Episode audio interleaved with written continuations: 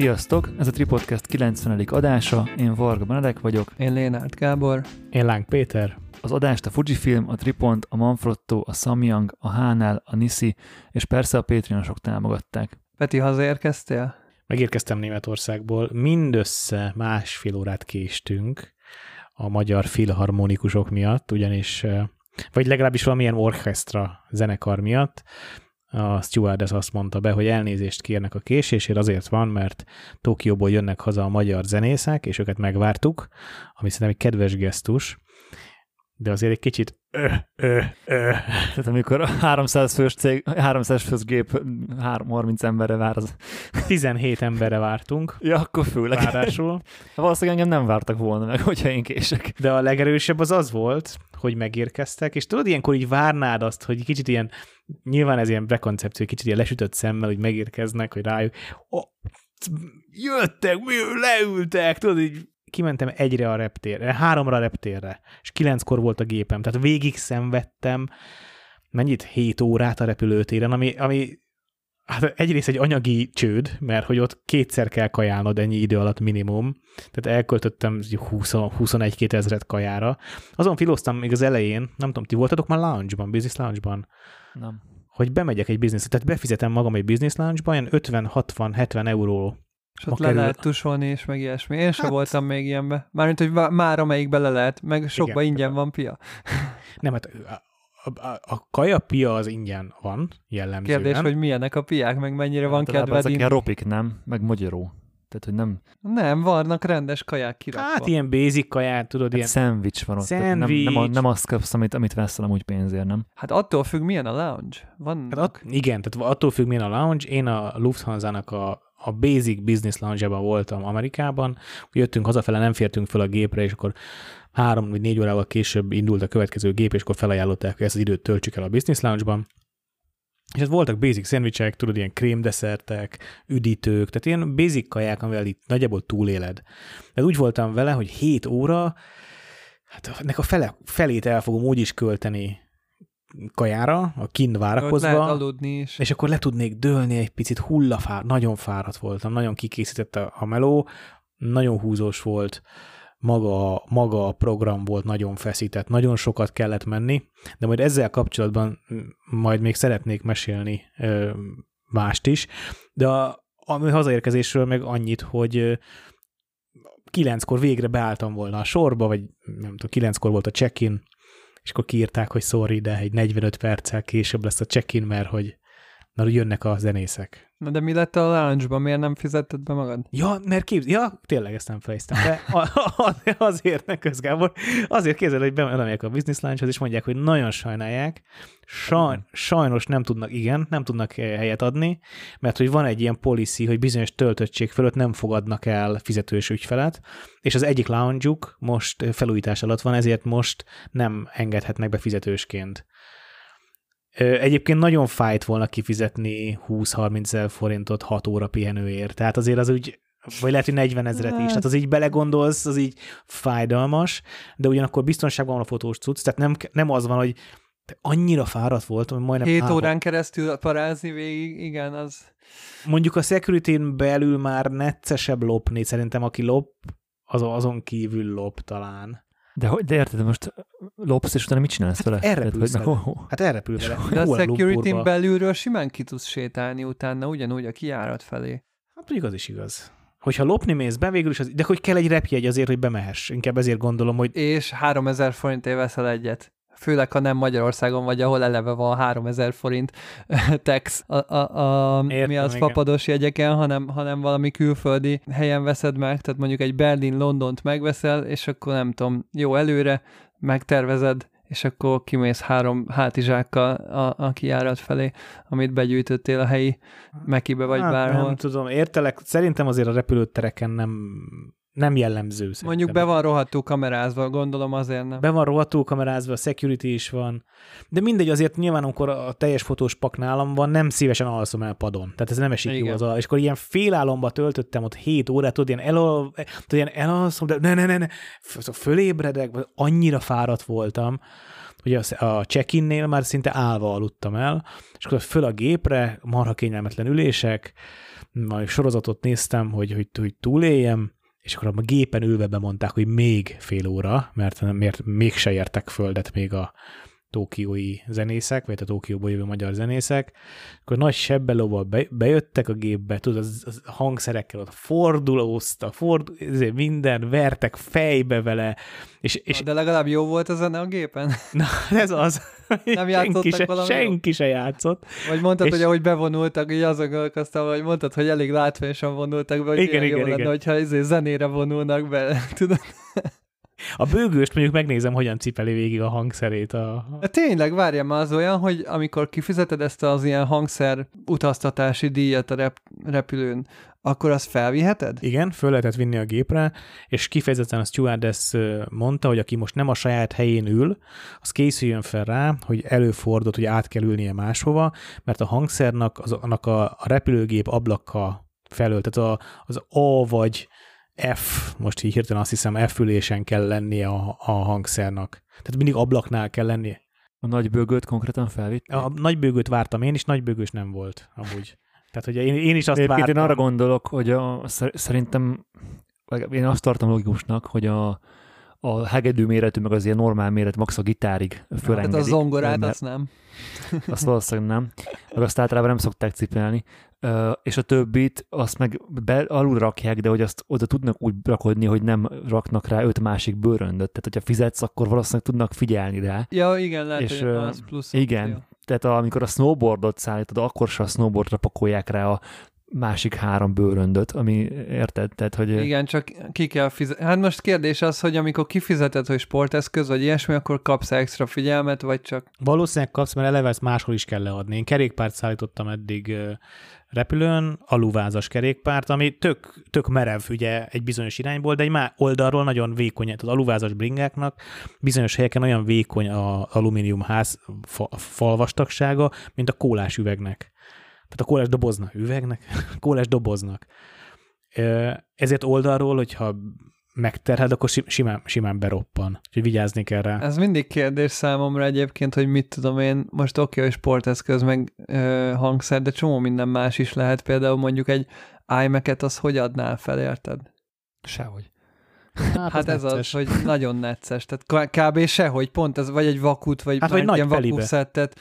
Hát, ja, csak... Én vakuszettet adtam már föl. De mindenhez nagy pelit venni, az meg kicsit drága mulatság. Hát az, hát az hát Gábor, általában egyébként, akik, akik mondjuk nemzetközi turnékra mennek, azoknak ez vagy benne van ugye a bérükbe, vagy pedig erre fel vannak készülve. Tehát, hogy ez, ez nem szokott azért problémát okozni azoknak, akik nem, évente, nem tíz évente kétszer repülnek. Jó, de én nem nemzetközi turnéra akarok menni, hanem, hanem csak A-ból B-be átvinni egy... Értem, csak akinek mondjuk ez annyi, mint hogy neked te följössz Hódmezővásárhelyről Pestre, ez a túra, mert hogy minden héten megyek egy másik ö, fővárosba zenél, az erre föl van készül, és szerintem neki van olyan pedig kész, amiben fel, fel tudja adni a, akár a vakut, akár a nagybőgőt, akár bármit. Tehát, hogy nem értek, Gábor, van hogy vitted ki a iMac-et Londonba? Hát én ö, olyan futárszolgálattal, mert vannak ugye olyan magyarok, akik mennek körbe különböző városokba, begyűjtik a csomagot, és ja, csak a furgonnal kivitt. bizonyos súly díjért kiviszik furgonnal, és akkor én ennyit, hogy megadtam, ugye, hogy hol, hol kell felvenni, be volt dobozolva, és akkor autóval kivitték, csak ugye vannak olyan területei a világnak, amik nem elérhetők autóval. Na, de az sokkal fontosabb kérdés, Peti, hogy a, azt a rengeteg cuccodat, te hogy az Istenbe vitted fel a, fény, a fényképezőgépre, a repülőgépre? Simán. Tehát, De hogy? Tehát, hogy is hátamon. Nem... Tehát, hogy mi? Sem, semmi. Nem mondták, hogy az alapjegybe egy hátizsák, vagy max. két hátizsák? Sose. De nyilván a hasamon nem volt ez a baby, a baby hordó nem volt fölkötve a hasamra, mint ahogy, közben, mint ahogy láthatok képeken az Instán. Nem, egy darab hátizsák a hátamon, egy fényképező, a ZFC a volt az utazós kamerám az a nyakamba, ennyi. És a, és a hátizsáknál Nekem még soha életben nem tették szóval, hogy ez túl nagy zsák. Annyit meg szoktak kérdezni, nem akarom-e feladni, mert látják, hogy nehéz, és akkor mondom, hogy sensitive equipment van benne, és akkor mosolyogva bólogatnak, hogy megértik, hogy nem adom föl, és ennyi. Pedig egyébként az bőven még talán meg is haladja. Ja, persze. A hát bőrön, 8 ki- Tehát bőven. a gurulós bőrön méretet is meghaladja. Persze, persze. Persze, és akkor azt mondod, hogy azzal a te hátizsákoddal a sima, olcsó hátizsákos jegyel is lehetne menni? Nem, nem a, leg, nem a, nem a legalapabbal. Ja, hát a Priority-nél nem fogja megkérdezni. Persze, de hát a Priority-t kell meg... De a Priority-be se fér bele. Tehát a Priority kockába se fér bele ez a hátizsák. Sehogy nem fér bele. Ez egy Whistler 450 AV, és megtömve, úgyhogy a külső rekeszébe is van még egy derítőlap, meg egy pulóver, ja, rohadtul, nem, fér rohadtul nem fér bele a kécsbe, de hozzáteszem, hogy nem, nem faporossal repültem, hanem Lufthansa-val. Itt meg azért nagyobb a rugalmasság. Uh-huh. Egyébként, hát most lekopogom, de én ezt nem szoktam priority jegyet venni, mert az gyakorlatilag kétszer kerül, mint a repjegy. most már a favados légitársaságoknál, és én a travel backpack a Peak Design travel backpack szoktam hazamenni, ugye, ami, ami szintén ugye az alap hátizsák. Az nagy 45-ös, ja. A, a, ne, a nem, de, az, de az 45-ös az úgy 45-ös, hogy ki van nyitva, és pupik van rakva, amikor már be, becsukni se tudod. Tehát, hogy az, az akkor 45 liter, am, amúgy azt hiszem csak 35 vagy 40, nem tudom. És soha nem volt szerencsére ilyen problémám, hogy megfogtak volna, de még nem, és, és én nem Lufthansa utazok, tehát azt hozzáteszem. ja, úgyhogy érdekes. Én még soha nem vettem nem priority-t.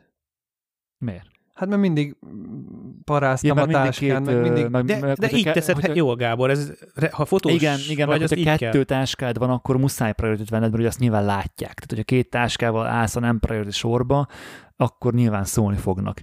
De hogyha egy hátizsákod van, akkor... Ja, csak azt mondom, hogy sosem mentem még ugye, hogy egy ilyen hátizsákos tripre, tudod, olcsó repje, egy izé, pedig egyszer tök jó lenne. Meg még egy ilyen trükk, nem tudom, hogy, nem tudom, hogy trükk, meg nem tudom, hogy működik-e, de megint csak ugye sose volt problémám, lehet, hogy működik, hogy én mindig az utolsó vagyok, aki felszáll a gépre. Én, én azt vettem észre egyébként, hogy az kifejezetten szar. Főleg, hogyha olyan, olyan táskád van, mindjárt azért, azért nem jó ez, mert hogyha nem veszel priority akkor neked nem jár fejfölötti rés. Ja, de mindig veszek priority tehát hogy mindig veszek priority és mindig utolsó vagyok. Igen, és akkor hogy találsz helyet a fejed fölött? És az benne, az benne a trükk, hogy, hogy, hogy az utolsó pillanat, nem, nem kell helye fejem. Ja, miért ne lenne helye fejem fölött? Hát azért, mert sokszor van, hogy több a táska. Hát nem, hát nem a saját fölé, na jó, de nem a saját fejem fölé rakom, hát nekem tök mindegy, hol utazik a táska.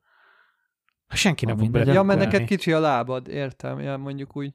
De mi nem, köze, Peti, az... mi köze a lábam méretének? Hát mi, mert a, láb, mert a lábhoz kell rakni a táskát. Dehogy is, oda nem fér be, Gábor. Nem, nem csak azt... Nem a lábhoz kell, hanem az előtted lévő ülés alá. De oda nem fér be. De a, de a fotós cuccodat te máshol fel tudod mellett rakni. Persze, de most mi? Fölállnak, föláll valaki a gépen, aztán belenyúl kell a táskámba, kivesz egy objektívot, az elrakja a zsebébe. Hát az simán előfordulhat szerintem. De hogy is. De várj, és akkor mit csinálsz, hogy utoljára mész fel, és akkor mit találsz? Hát, ott, ott, hát ott már nem baszag, utolsó, utolsó vagy, már akarják zárni, tudod, a, a boardingot, látják, hogy a táska, de mennyi, mennyi haladjunk, haladjunk. Én ezt pont úgy tapasztalom, hogy azt mondják, hogy pont azért kell az elsők között felmenni, mert ö, akkor még nem látják pontosan, hogy mennyi táska lesz, és akkor ott még mindenkit felengednek, mert amikor már sűrűsödik, a, hogy mindenkinek megengedték, amikor már látják, hogy igazából Igen, mindenki két táskával van, meg hogy a repülőnek a 90%-ra priority-t vett, és mindenki hozza a nagy bőröngyét, akkor már úgy a végén már nagyon sűrű. Értem. De mondom, azért mondom, nem tudom, hogy ez a trükk, ez az én, én igazából csak nem szeretek sorba állni. Tehát én ülök, ameddig lehet. Gépről is utolsóként szoktam leszállni, mert ez, hogy fölállunk, amikor leszállt a gép, és egy negyed órát állunk, bazd meg úgy, hogy egymás szájában lihegünk, az is egy baromság. Na gépről én is utoljára szoktam eljönni.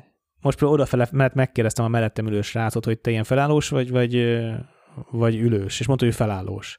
És hát utána negyed órát állt, én mond, átengedtem magamon, mert én ültem a folyosó mellett, és utána állt negyed órát mellettem.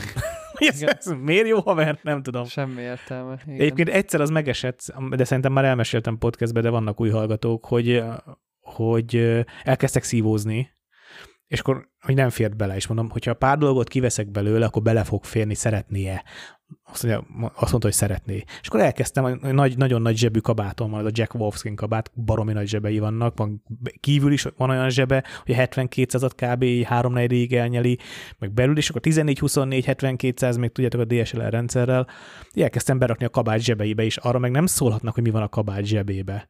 És akkor mondja egy hogy na jó, látom már, oké, okay, akkor hagyjad, hagyd a táskába. Igen, ez, ez viszont tényleg bevettük, hogy ö, hogyha rajtad van, tehát ha rajtad lóg Aha. az eszköz, akkor, akkor nem az, az csinálhat nem. semmit. Tehát most a nyakamba akasztom a fényképezőgépet, a zsebeimbe rakom az objektíveket, és akkor a táskát már... Farzsebedbe az állványt. ja, ja, ja.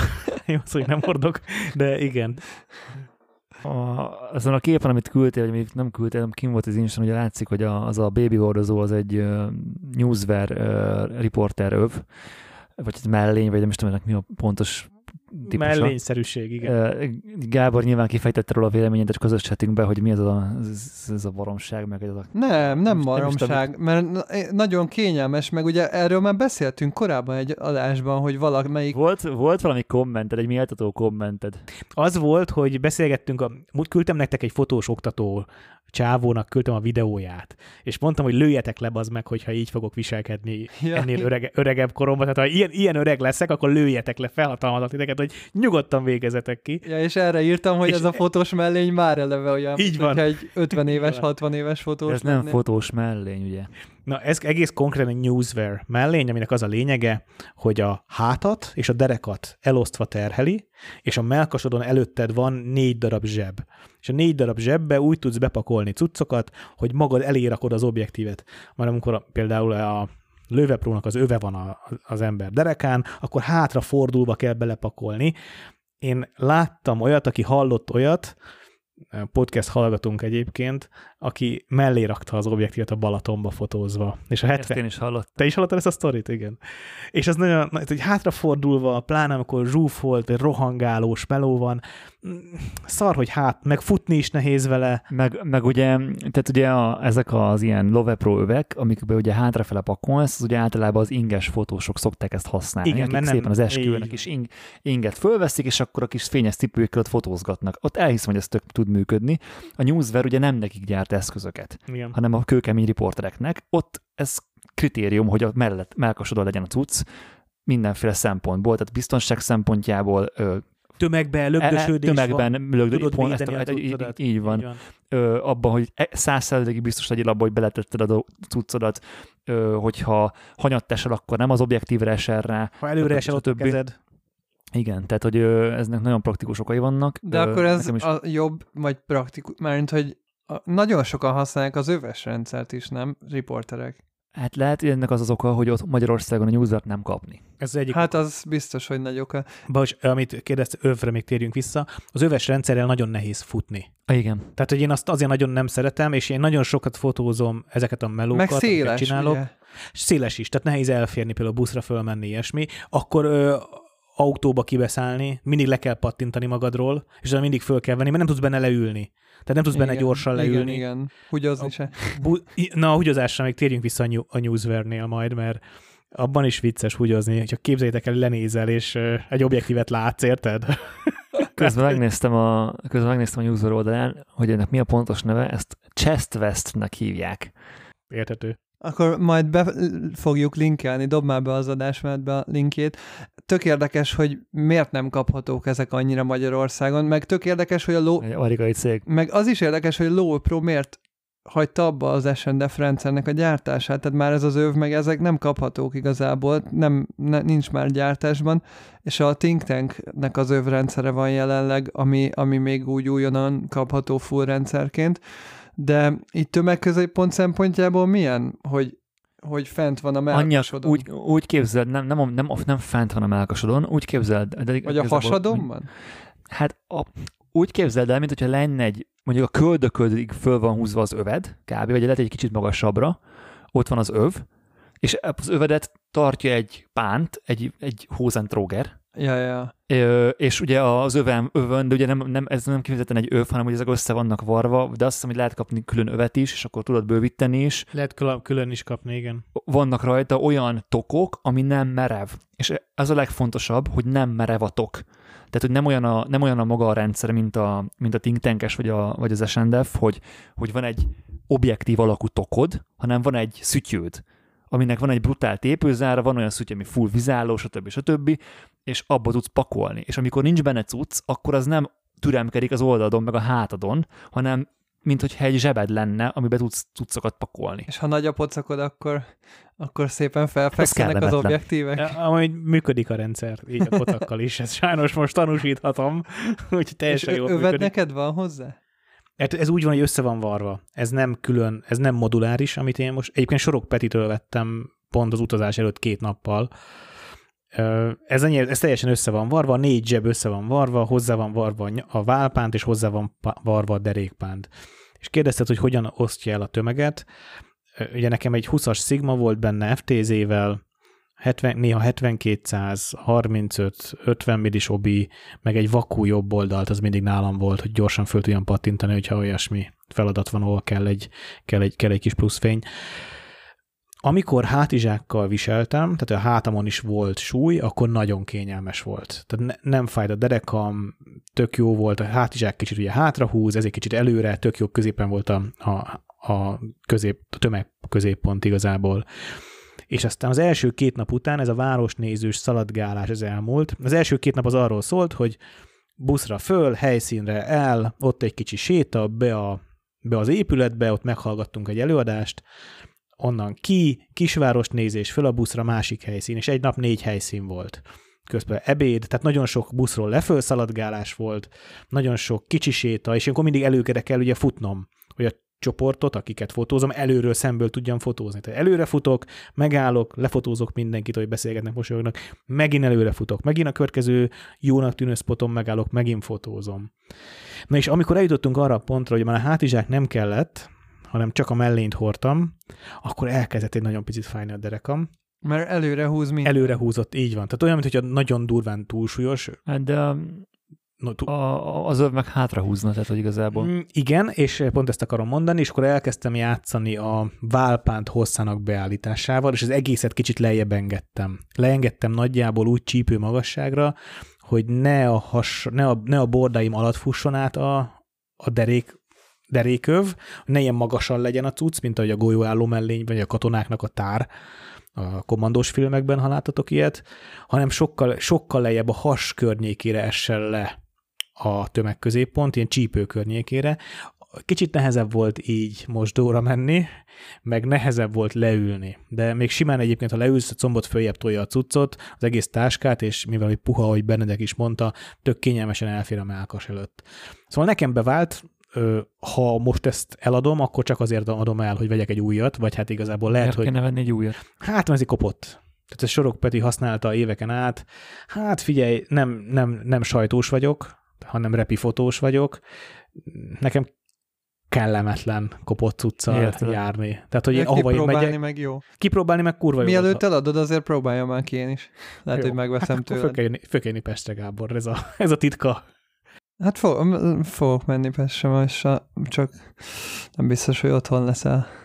Ja, igen, igen. Hát lehet, hogy én megyek akkor hozzá, útba Bár vannak bonyodalmak, mert a Diónak... Ki gondolta volna? Nem, nem készült el a Diónak a vérképe, és mennem kell az állatorvoshoz, hogy milyen Isten van. Mert ugye a kutyának kell vinnem, tehát kell vinnem a Balkán országai követelik, hogy legyen nálad olyan igazolás, amivel igazolod nem csak azt, hogy a kutya be van oltva, mert az ugye benne van az oltási könyvében, ami igazából az EU-s útlevele a kutyának, mert Diónak van útlevele, hanem kell egy olyan igazolás arról, hogy az, hogy az oltás hatékony. Tehát ez, ez egy ilyen véranalízissel csinálják meg, és ez nem készült el még.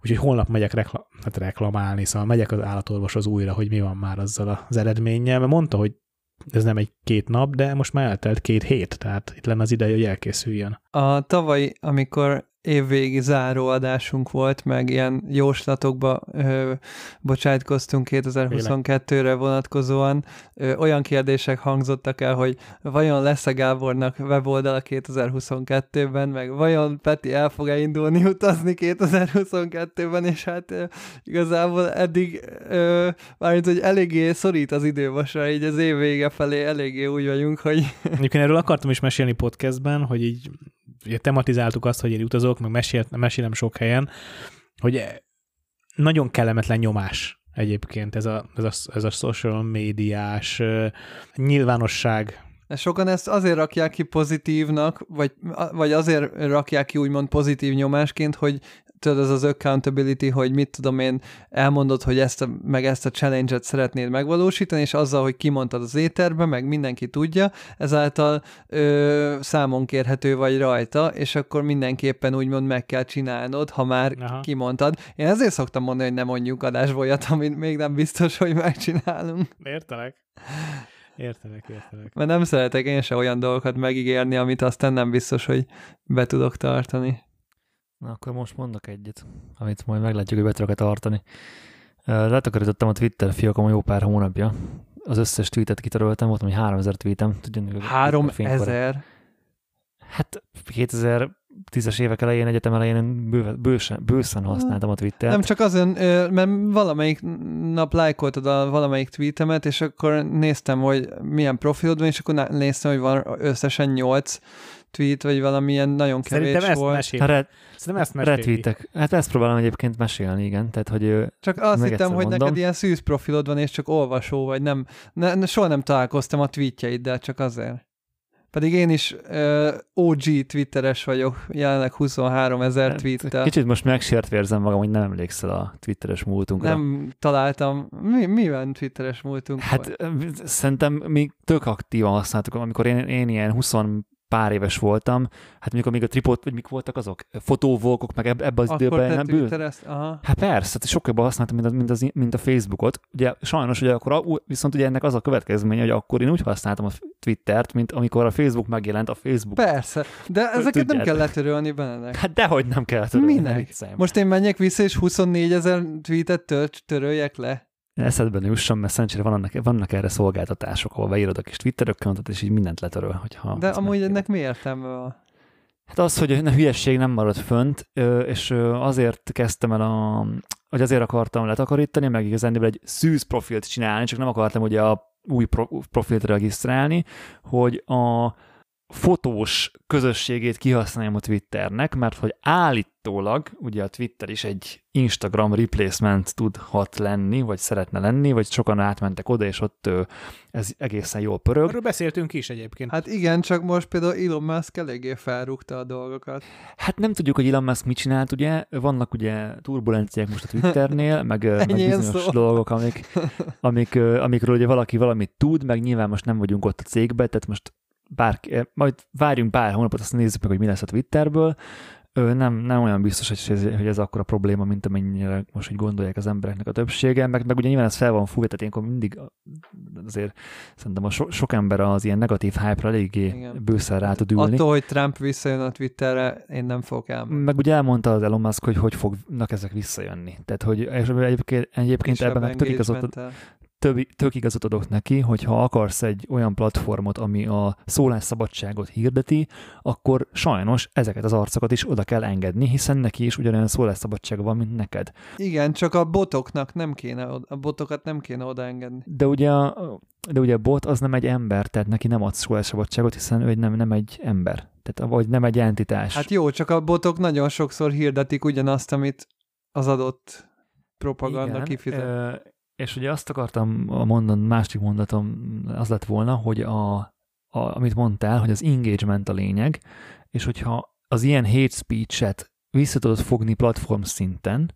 hogy ez már megint, megint más kérdés, hogy mit nevezünk hate speech-nek, az, az is azért elég tud szubjektív lenni, nyilván nagyon sokszor egyértelmű, de, de van, amikor nem biztos, hogy olyan fekete-fehér, az, azzal tudod ezt visszaszorítani, és ezt kifejtette Elon Musk is, hogy bárki jön a Twitterre, de hogyha hülyeséget beszélsz, akkor annak nem lesz, hiába van egy millió követőd, nem lesz trending, nem lesz elő, előtérbe helyezve, hanem mint hogyha én írtam volna ki, körülbelül annyi reach lesz. De ezt ők fogják eldönteni, hogy kap-e engagementet a... Ezt mondtam, igen, pont hát ezt ez mondtam, az, hogy, hogy, akkor... ugye, hogy ugye a... Ez majdnem olyan, mint hogyha mint hogyha nem mehetne föl, okay. csak hát ez mégis fölmehet, meg ugye nyilván a követője, aki erre kíváncsi, az látja. Tehát létezni létezik, meg rá lehet keresni, meg eléred. Igen. Azt hozta példának, hogy hogy az internet is ilyen, hogyha, hogy minden Igen. információt felrakhatsz, viszont vannak bizonyos információk, vagy bizonyos cikkek oldalak, amikre, amik nincsenek kiemelve, hanem rá kell keresni, hogyha el akarod őket érni. És akkor igazából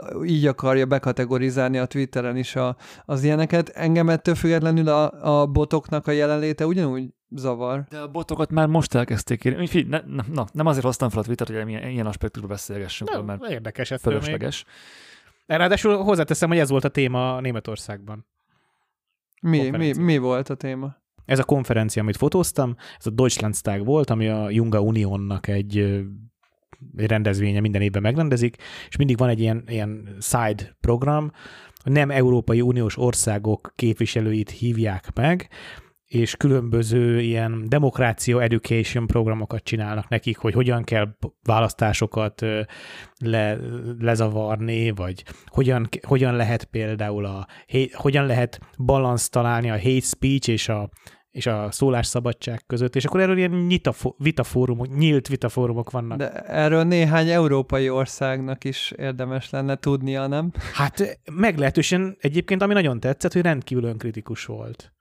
Tehát, hogy abszolút Aha. például a magyar közéletben egyáltalán nem tapasztalható önkritika, itt teljesen megjelent, és tök izgalmas volt. Jó, de hogy e- ennek Európán belül is vannak ezzel kapcsolatos problémák. Hogy, hogy nem volnának, persze. Szerintem miért ne lennének? Tehát ez a... De akkor miért csak Európán kívülre szól ez a Európán kívüli országokra? Ez a program, ez nem, ez a program, ez, amit én, fotó, amit én fotóztam, az az Európai Unión kívüli országoknak szervezett side event volt.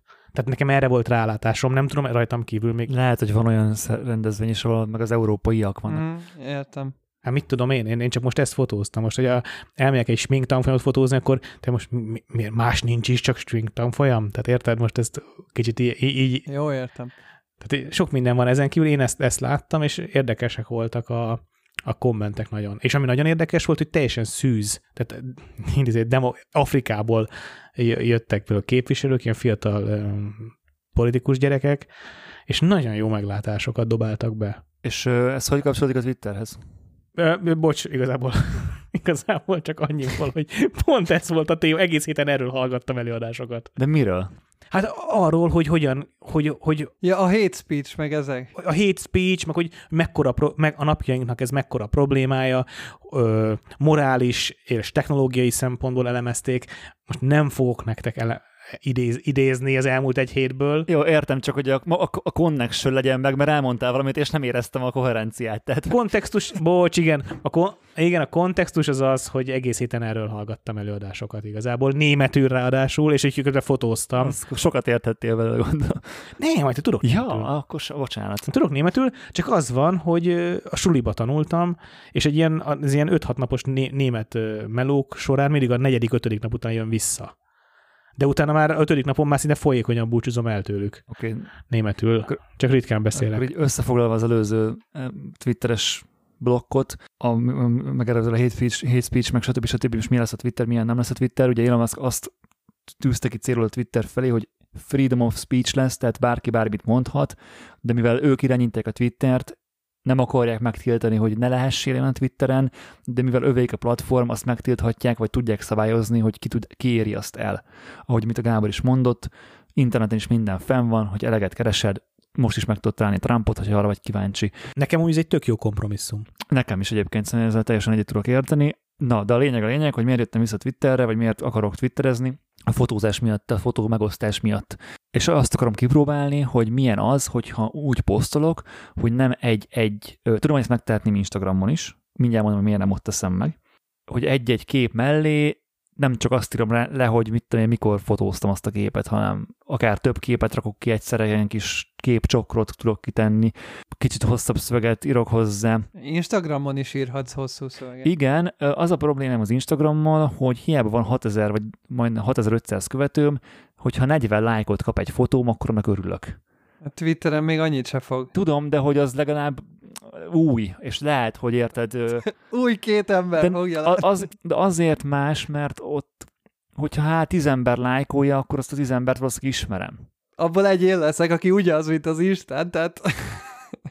De egyébként tehát én nem, én annyiban érzem másokat Twittert, hogy ott nagy felbontásban lehet nézni. Ja, az meg a másik, igen, hogy, hogy rendesen be tudsz zoomolni a képbe, igen. nem tudom. Meg full screenre, nagy felbontás ki lehet rakni, mert nekem konkrétan például, amikor küldted azokat a szélessávú fotóidat, és ugye nekünk átküldted privátba, és a Messengeren meg tudtam nyitni a nagy 27 szoros monitoromon, és úgy királyú nézett ki. És tök ugyanaz, szembe jött utána velem Instagramon pár nappal később, és így annyira nagy kontraszt volt, hogy nem is látszottak a rész, semmi. Tehát semmi ennyire nem. Az, hogy a telefonnak ugye az álló képernyőjén egy minimális csík, ugye, vízszintesen ez a széles sáv, hát gyakorlatilag olyan picikék voltak a képek, mint hogyha ráadásul még ilyen be is van neked keretezve, mint amikor a régi ilyen Ericsson telefonok, amikor bejöttek, és ilyen icipici kis kijelzőjük volt, kb. akkorával látszódtak, látszódik a fotó, és akkor így nézed, hogy mi értelme ennek? Viszont a Twitterre visszatérve,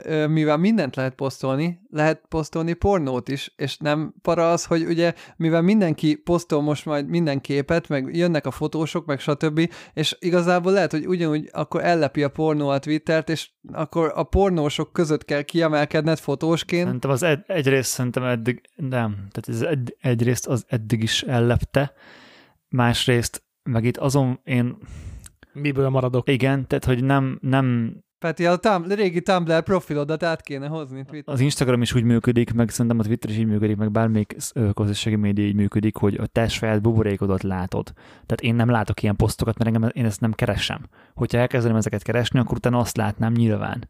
Hogyha, hogyha fotósokat keresek, akik hasonló stílusban alkotnak, meg őket követem, meg hasonlókat posztok, akkor azt fogják ők is látni, érted? Tehát, hogy ez önmagát generálja. Hát, kérdés, hogy mekkora ez a buborék Twitteren, akit ez érdekel? Teljesen mindegy, kipróbálom, megnézzük. Egyébként már csak azért is, hogy a felbontása jobb a fotónak már azért megéri, hogyha nem akarom kitenni a weboldalamra, meglátjuk. Nem, nem tudom. Meg nem, nem mondom azt, hogy mondjuk havonta lesz öt poszt, lehet, hogy örülök, hogy havi egy posztot tudok csinálni.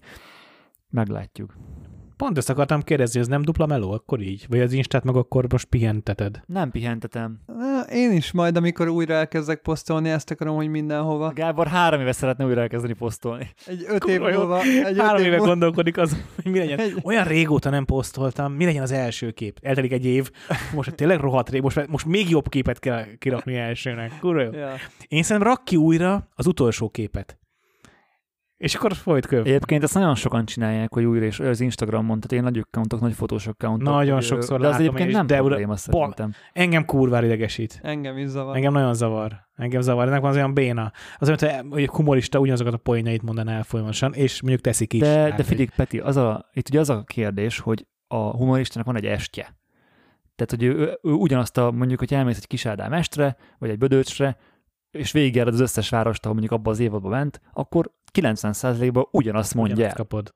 Viszont nem szóról szóra, mert a csiszolja pont az lényeg, hogy mindig figyeli a közönség reakcióit, és mindig változtatnak. Így nyilván. Gá- ezek szerint Gábor megnézte a Kis Ádám Partizán videót. Nem. Nem, vagyis, pont, ezt, bár, pont ezt mesélte el amúgy. Megnéztem, de nem ezért mondtam, hanem tudom, hogy hogy működik a stand-up. Igen. Hát Marvelous Mrs. Maisel például, ha nézed. Jó, mondjuk Gábor nagy stand-up rajongó. Na, és, és hogy, a, hogyha van egy fotós, akinek van, ö, tehát mondjuk nem, ne olyan fotósokra gondoljunk, mint amilyen mi vagyunk, hanem tényleg akik mondjuk magnum fotósok, vagy olyan fotóművészek, akinek mondjuk van... Mindig ez a színvonal, ezt észrevettétek? Tehát mindig ez van. Azért, mert nem tudok, mert, de hogyha tudnék mondani nagy modellfotóst, akkor mondjuk ki az a fekete-fehér fotós, modellfotós? A... Aki már Igen, aki már Peter, Peter Lindberg. nem fog Mindegy, tehát, hogy amúgy kezelik az Instagram. Igen, tehát hogyha van egy olyan kaliberű fotós, mint mondjuk ő, vagy a igen. Krautson, nem tudom mi a vezetékneve, vagy a keresztneve. Gregory. Gregory. Na, ő neki nincsen minden hétvégén 30 fotó, amit tudna posztolni Instára, hanem mondjuk van évente kettő. Vagy a, Tomá, vagy a Schultz, mi a, a Shields, milyen Shields? Tyler. Tyler Shields. Nekik, érted, van évente három fotójuk. Most ő mit posztoljon, hogyha szeretne social media jelenlétet, mert nyilván kell neki. Ez ugyanaz, mint egy szendeposnak van egy estje, azt egy évadon keresztül tolja, hogyha te akkor rajongója vagy, hogy mindegyik rámész, akkor hát te így jártál. De most érted az Instagram sem, hogy nem feltétlen ajánlja fel azt a fotót mindig mindenkinek. Lásd az én példámat, hogy az én képeimet kb. százal látják, holott 6000 követőm van. Tehát, hogy, hogy ez szerintem emiatt sem feltétlen rossz ez, és lehet, hogy, te, lehet, hogy te csak azért látod duplán vagy triplán, mert hogy mindig mondjuk lájkolod, vagy aktívan követed a sztoriait, vagy fölvész az oldalára, és ugye neked nyilván akkor beadja, de hogy aki csak egy ilyen casual Instagramozó, és éppen jaj, ide a kép, és akkor következőre nem is látja lehet a, a duplikációs posztot már. Sőt, még egy, lehet, hogy az is azzal is trükköznek, hogy ugye Instán lehet teggeket is követni, és nem újra posztolod a képet, csak átírod a teggeket. Ja, mondjuk én azt nem követek, úgyhogy nekem amiatt nem ajánlaná föl duplán. De amúgy igen. Egyébként a social médiára még gyors visszatérve, de egy pár mondatban, hogy én pont emiatt nem regisztráltam, vagy nem ö, keltette fel az érdeklődésemet ezek az ilyen Vero, meg ezek az ilyen Instagram alternatívák, mert egyszerűen nincs ott a közönség. Tehát a Twitterre még úgy van viszonylag magyar Twitter, meg egyébként tök jó, én is azt érzem, hogy jó picit a fotós közegből kiszakadni, engem nem annyira nem fotósok követnek Twitteren, ja, és tök jó, lehet, tök jó lehet feléjük is akár kommunikálni fotókat. Fő, feléjük kell Fő, kommunikálni, i- nem igen. a fotósok felé kell kommunikálni. Igen, viszont a modellek, meg gyakorlatilag nagyon-nagyon sok ismerős, meg, meg így az átlag ember, úgymond, az azért még mindig instán fogyasztja a fotókat. Igen, tehát ez a probléma a, ezzel, ezzel a greenery meg ezekkel, hogy tök nagy hype volt, meg ilyen tök, nagy, tök ö, nagy reachű, kvázi influencerek, nem is feltétlenül fotósok, de nyilván fotósok, csak hogy nem, nem úgy fotó. Tehát, hogy amiatt fotósok, mert hogy jó az Instagram jelenlétük, ö, olyan fotósok, hogy jaj, átmegyek a greenery meg jaj, átmegyek a Veróra, és akkor három hétig ott tolták, hogy jaj, mennyire jó, meg mit tudom én, nem tudom, hogy, nem követtem őket nyilván. Mert milyen nagy a felbontás. Igen, igen, nem, nem követem az utóéletüket, csak... lehet, hogy amúgy megy nekik, vagy nem tudom, csak az, tényleg az a baj, hogy a social media akkor működik, hogyha mindenki ott van hogyha érted, hármunknak van egy social media platformja, és egymást képeit lákolgatjuk, hát azzal nem sokra megyünk. Nekem olyan érzésem volt, mint hogy ilyen 2022-es Flickr lenne, hogy így oda mennek a fotósok, nagy felbontásba posztolgatnak, és örülnek egymásnak, hogy hú de jó, hogy itt vagyunk, de igazából senkit nem érdekel, mert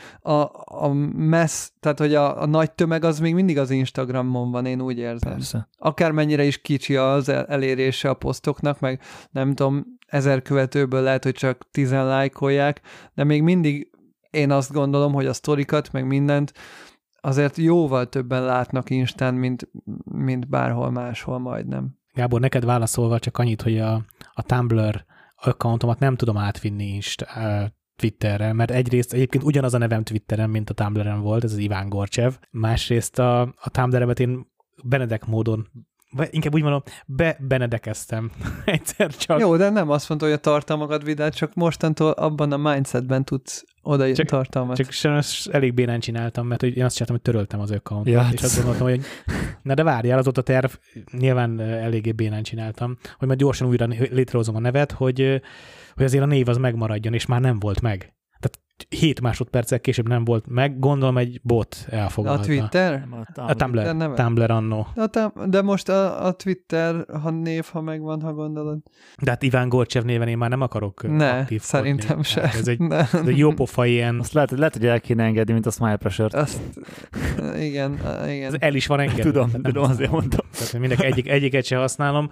A Twitteren filóztam egyébként, és tök vicces, hogy pont most kezdtünk erről magunktól beszélni, hogy akartalak titeket kérdezni, hogy felkészülve az útra, milyen social platformok kezdjek el ismerkedni, mert amíg nem tudok elindulni, de már ugye Szabin vagyok, nagyon nem vállalok munkákat, és készül az autó, foglalkozom a kutyával, papírokat intézek, ilyesmi, el akarok kezdeni foglalkozni azzal is, hogy milyen platformokon legyek jelen, Twitch, Twitter, mit tudom én, csak én annyira nem értek hozzá. A, a Twitch-et én nem javaslom Hát nekem. az nem, az nem erre való, ugye? Az livestream, tehát való. hogy az nem... Igen, de a kérdés az az, hogy egyetem milyen platformokat vizsgáljak meg, hogy, hogy érdekes lehet. Szerintem ne vizsgálj meg semmilyen platformot, szerintem használd, ami van, és használd az Instát, és a Gábor mondta ezt neked a közös chatünkben egyszer, vagy lehet, hogy beszéltük szóban, nem emlékszem már, hogy ahhoz, hogy ez neked flottul működjön, a legke- lehető legkevesebb súrlódást kell a content elkészülése és a kikerülése közé tenni. Tehát amint elkezdett tervezni, meg amint elkezdesz videókat vágni, meg nem tudom mit csinálni, az soha nem lesz belőle semmi, mert ismerünk. Tök jogos. Igen, amúgy jogos. Az, hogy most fölmész érted, sztorizol egyet Instán, kirakod, az, az megy, meg azt csinálod, meg, meg erre láttunk már példát. Meg az jól is áll, igazán. Igen, és maximum annyit csinálsz, hogy átrakod TikTokra. Maximum. Jó, hogy, hogy kössem össze a TikTokot az Instámmal? Meg YouTube Shortsra. Minden. Mi, én ezt mondtam, hogy a kis rövid videókat, amiket álló formátumban csinálsz telóval, azt rak ki a TikTokra, az Instagram Reelsbe, meg YouTube Shortsra, meg Twitterre, meg mindenhova, ahova... És mindegyik ugyanazon a néven fusson, ez a Langpeter persze, azon. Hát vagy hasonló néven, igen, de igen. Hát, hogy a, a, sajnos a Twitteren nem, nem tudsz pontot tenni a nevedbe. Igen. Ugye az nem, Instára meg beraksz egy Linktree-t, azt ö, a, És egy, egy tippet még ehhez, hogy én nem a tehát ugye mindegyik platformnál tudsz ugye saját uh, sztorit csinálni, vagy saját uh, videót felvenni az appon belül. Ne ezt csináld, hanem vegy, legyen, legyen egy külön, uh, tehát vagy, az, vagy az iPhone-nak a kamera apjával, vagy valami erre való ö, alkalmazással vet fel. Igen, én is ezt mondtam, így mondtam. Ott legyen benne a videó, és úgy töl, utána tölts föl. Mert ugye akkor ö, ugyanaz tud lenni, és nem lesz rajta az egyiken sem a másik a logója, meg nem tudom én, meg ilyen hülyeségek, ugye akkor a felbontás is szarabb lesz, hanem csináld meg natívan. És olyan applikáció létezik, hogy egy helyre, hova egyszer kell egy helyre feltöltenem, és kirakja mindenhova? Hát lehet, hogy van ilyen distribútor applikáció egyébként, de, de nyilván előbb-utóbb, hogyha mindegyik platformot megismered, akkor így pár kattintással négy-ötször végmész, mindegyikre fel tudod. Most ez a három-négy platform feldobod és kész, de amit még akartam így mondani ezzel kapcsolatban, a YouTube-bal kapcsolatban, hogy jelenleg a YouTube Shorts, az egy ilyen külön tabon van a YouTube-on, mert hogyha van egy csatornád, akkor van Igen. a videóid, meg van a Shorts. Igen. És a jelenleg a shorts az tök sok ö, nézettséget hoz azoknak a csatornáknak, viszont a nézettség után jelenleg a shortsnál a rövid videókra nem jár pénz, nincs reklám, költség, meg semmi. Szerintem ez engem amúgy sem fog veszélyeztetni, túl sokat keresnék ott. Oké, okay, csak azt mondom, hogy azért mondom a jövőre tekintve, hogy 2023-tól viszont a YouTube Shorts is monetizolható lesz. Ah, okay. És akkor ott már a nézettség után kaphatsz lóvét YouTube-on, a Shorts után is. Egyébként nagyon bele lehet veszni. Nagyon durván bele lehet veszni a YouTube Shortsba. Nagyon ügyesen rakja a kontentot. TikTokba is. Vannak, akik órákat TikTokot. Borzasztó. Istennek nincs TikTokom. Hát igazából itt mindig el kell dönteni, hogy most te gyárt, gyártó akarsz lenni, vagy fogyasztó, és melyikbe teszed a több időt, és szerintem sokkal jobb, hogyha, hogy mi inkább. Én, én Instára is úgy szoktam felmenni, hogy felmegyek, kirakom a képet, bezárom a tabot, hello, sőt, vagy lehet, hogy Creator Studio-ba beidőzítem, és fel sem megyek Instára. Egyszerűen annyira keveset vagyok fent, viszont rakni meg úgymond nyilván a Tripodcast-re meg ide-oda rakom a tartalmat, és szerintem így, így az igazán jó használni, hogy csak rakni kifele, és nem elveszni a sok szarba. Na pattanjunk vissza a fotós podcastbe, még mesélek kettő mondatot a német utamról. Az egyik, ami nagyon kemény volt és megrázó, hogy voltak ukránok is, ugye? Négy ukrán lány volt, akik prezentálták négy különböző ukrán városból érkeztek, és prezentálták azt, hogy ők hogy a hétköznapjaikról meséltek igazából. Nyilván ez megrázó, oké, okay, mindenki csendben volt és hüppögött, de ami engem szíven ütött, az amikor együtt reggeliztem velük, pont az ő asztaluknál volt egy szabad hely, ültem le, és láttam az egyik lány telefonján a háttérképet a barátjával, és a barátja katona ruhába volt. És az olyan valahogy az olyan nagyon mély volt ott belegondolni, hogy én éppen azzal bajlódom, hogy a tojásról lejön jön úgy a héja, hogy egy darab sem marad rajta, és ne utána ne sercegjen a fogam alatt. Ő pedig a beszédét nem azért fogja elmondani délután, hogy több szavazatot kapjon a pártja, vagy, vagy bármilyen más ilyen akkor abban a helyzetben pitinek tűnő előnyér, hanem azért, hogy több golyáló mellényt, vagy több fegyvert, vagy több sisakot küldjenek a németek az ukránoknak, hogy az ő pasi a személy szerint, aki kim van a fronton, nagyobb esélye élje tud a háborút. És ez a, ez a reggeli momentum, ez egy olyan felelősséget helyezett a vállamra, hogy nem csak képeket készítek. Tehát nem kifejezetten csak image készül, nem digitális állomány készül, amiben valaki majd gyönyörködik, hanem ez azoknak a lányoknak fotózom, nekem az volt a feladatom, az ő kommunikációkat támogassam, hogy ők jól tudjanak prezentálni, hogy utána a Twitteren, a, nem Twitteren, mert ugye bár igazából biztos lehet, hogy a Twitteren nem követtem őket, de Instán vagy ide-oda tudjanak olyan tartalmat kirakni, hogy ők Németországban voltak, és elmondták a beszédet, és létszi szupportáljátok a, a célunkat. És ez így azért fotósként ez nekem mindig csak hogy most kicsit fel is oldjam ezt a drámai hangulatot, ez mindig nagyon szép és nemes és ilyen jó élmezés volt a történelemben részt venni. Például a, ennek a Junge Union szervezetnek most köszönt le az elnöke. És két évvel ezelőtt én fotóztam az ő kampányát, és én fotóztam azt, amikor megválasztották, és így föltette a kezét, hogy Ó, király! Talán emlékeztek is arra a képre, mert beszéltünk róla adásban egyszer. Valami rémlik. Hogy egy nagy, köz, nagy közönségben egy ember meg van világítva, egy spotreflektorra, és így fölteszi a kezét, és így kurvára örül, és körülötte mindenki nagyon örül, és a csávó most köszönt le. És tök érdekes volt, tudod, hogy én vagyok az, az első ilyen színpadi eseményen is ott voltam, meg az utolsón, amikor a búcsú beszédét mondta, akkor is ott voltam. És itt tök jó része, tök jó dolog része lenni valahogy a történelmnek, még akkor is, hogyha ez egy, ha nem egy Obamáról van szó, hanem egy nagyon marginális kis német ifjúsági szervezetnek a, a programja, de mégis én nagyon szeretem ezt a fotózásban, hogy ilyen dolgokba is belecsöppenhetek, és ilyes, ilyesmi helyeken is ott vagyok. És Gábor, mondtad nekem, hogy ne vegyek 20 millinél nagyobb látószöget, mert fölösleges. Uh-uh. Nagyon jó jött volna párszor. És akkor um, ugye vettél legalábbis rendeltél. Rendeltem, még nincs Egy 17-28-at, itt az a 3 milli számított volna, vagy nem. akkor kell a 14-24? Lehet, hogy, lehet, hogy a 14-24. De mihez, mi, minél, nem szá, minél kellett volna? Hát Milyen szituban? Tárgyaló, tárgy, kisebb meeting room, hogy az egész csapat rajta legyen. Az például, tehát az, az nagyon kínos, amikor a 20 millivel két ember így... Panózni kell. Akkor egyet Mit? gyors. Hát ja, panózni ja, kell ja. gyorsan egyet. És rakjam össze kettőből? Két képet egymás mellé. Aha. Én ilyenkor azt megszoktam. Én ha 20 milliben nem férek bele, akkor lövök két képet, azt csá. Most hát, nem jó, meg viszonylag most meg könnyebb összerakni. Tehát van erre szoftver. Egy támog... kattintás a igen, Lightroom-ba. Igen, tehát ezt most már könnyebb összerakni. Oké, okay. elfogadom. Meg voltunk uh, templomban, templom belső, és ilyen nagyon látványos volt, és így nem az a 20 millis, de egyébként a... kevés volt. Ha 14 milli kevés, most... Nem, 14 milli, ez elég lett volna. Vagy mi a 20? Egyébként a 10, hiába 3 mm, az nagyon sokat számít. Tehát sok, sokkal többet számít ott, tehát a nagylátó végnél sokkal többet számít egy milliméter, mint teleállásban. Persze. Nyilván a 197 mm meg a 200 mm között nyilván Igen. szinte semmi. És hogy a, amikor még meg volt a Fujim, vaciláltam, hogy a 9 millit vegyek el, vagy 10 millit, és végül a 9-et vettem, de csak amiatt meg kisebb volt az objektív, meg ilyenek, de hogy néztem teszteket, ö, olyan, olyan teszteket, ahogy egy side-by-side összehasonlították mindkét objektívet, és egy milliméter is brutál sokat számít. Peti, és vettél, vagy üzented nekünk, hogy vettél új fényképezőgépet is. Igen, de képzétek, képzétek el, hogy...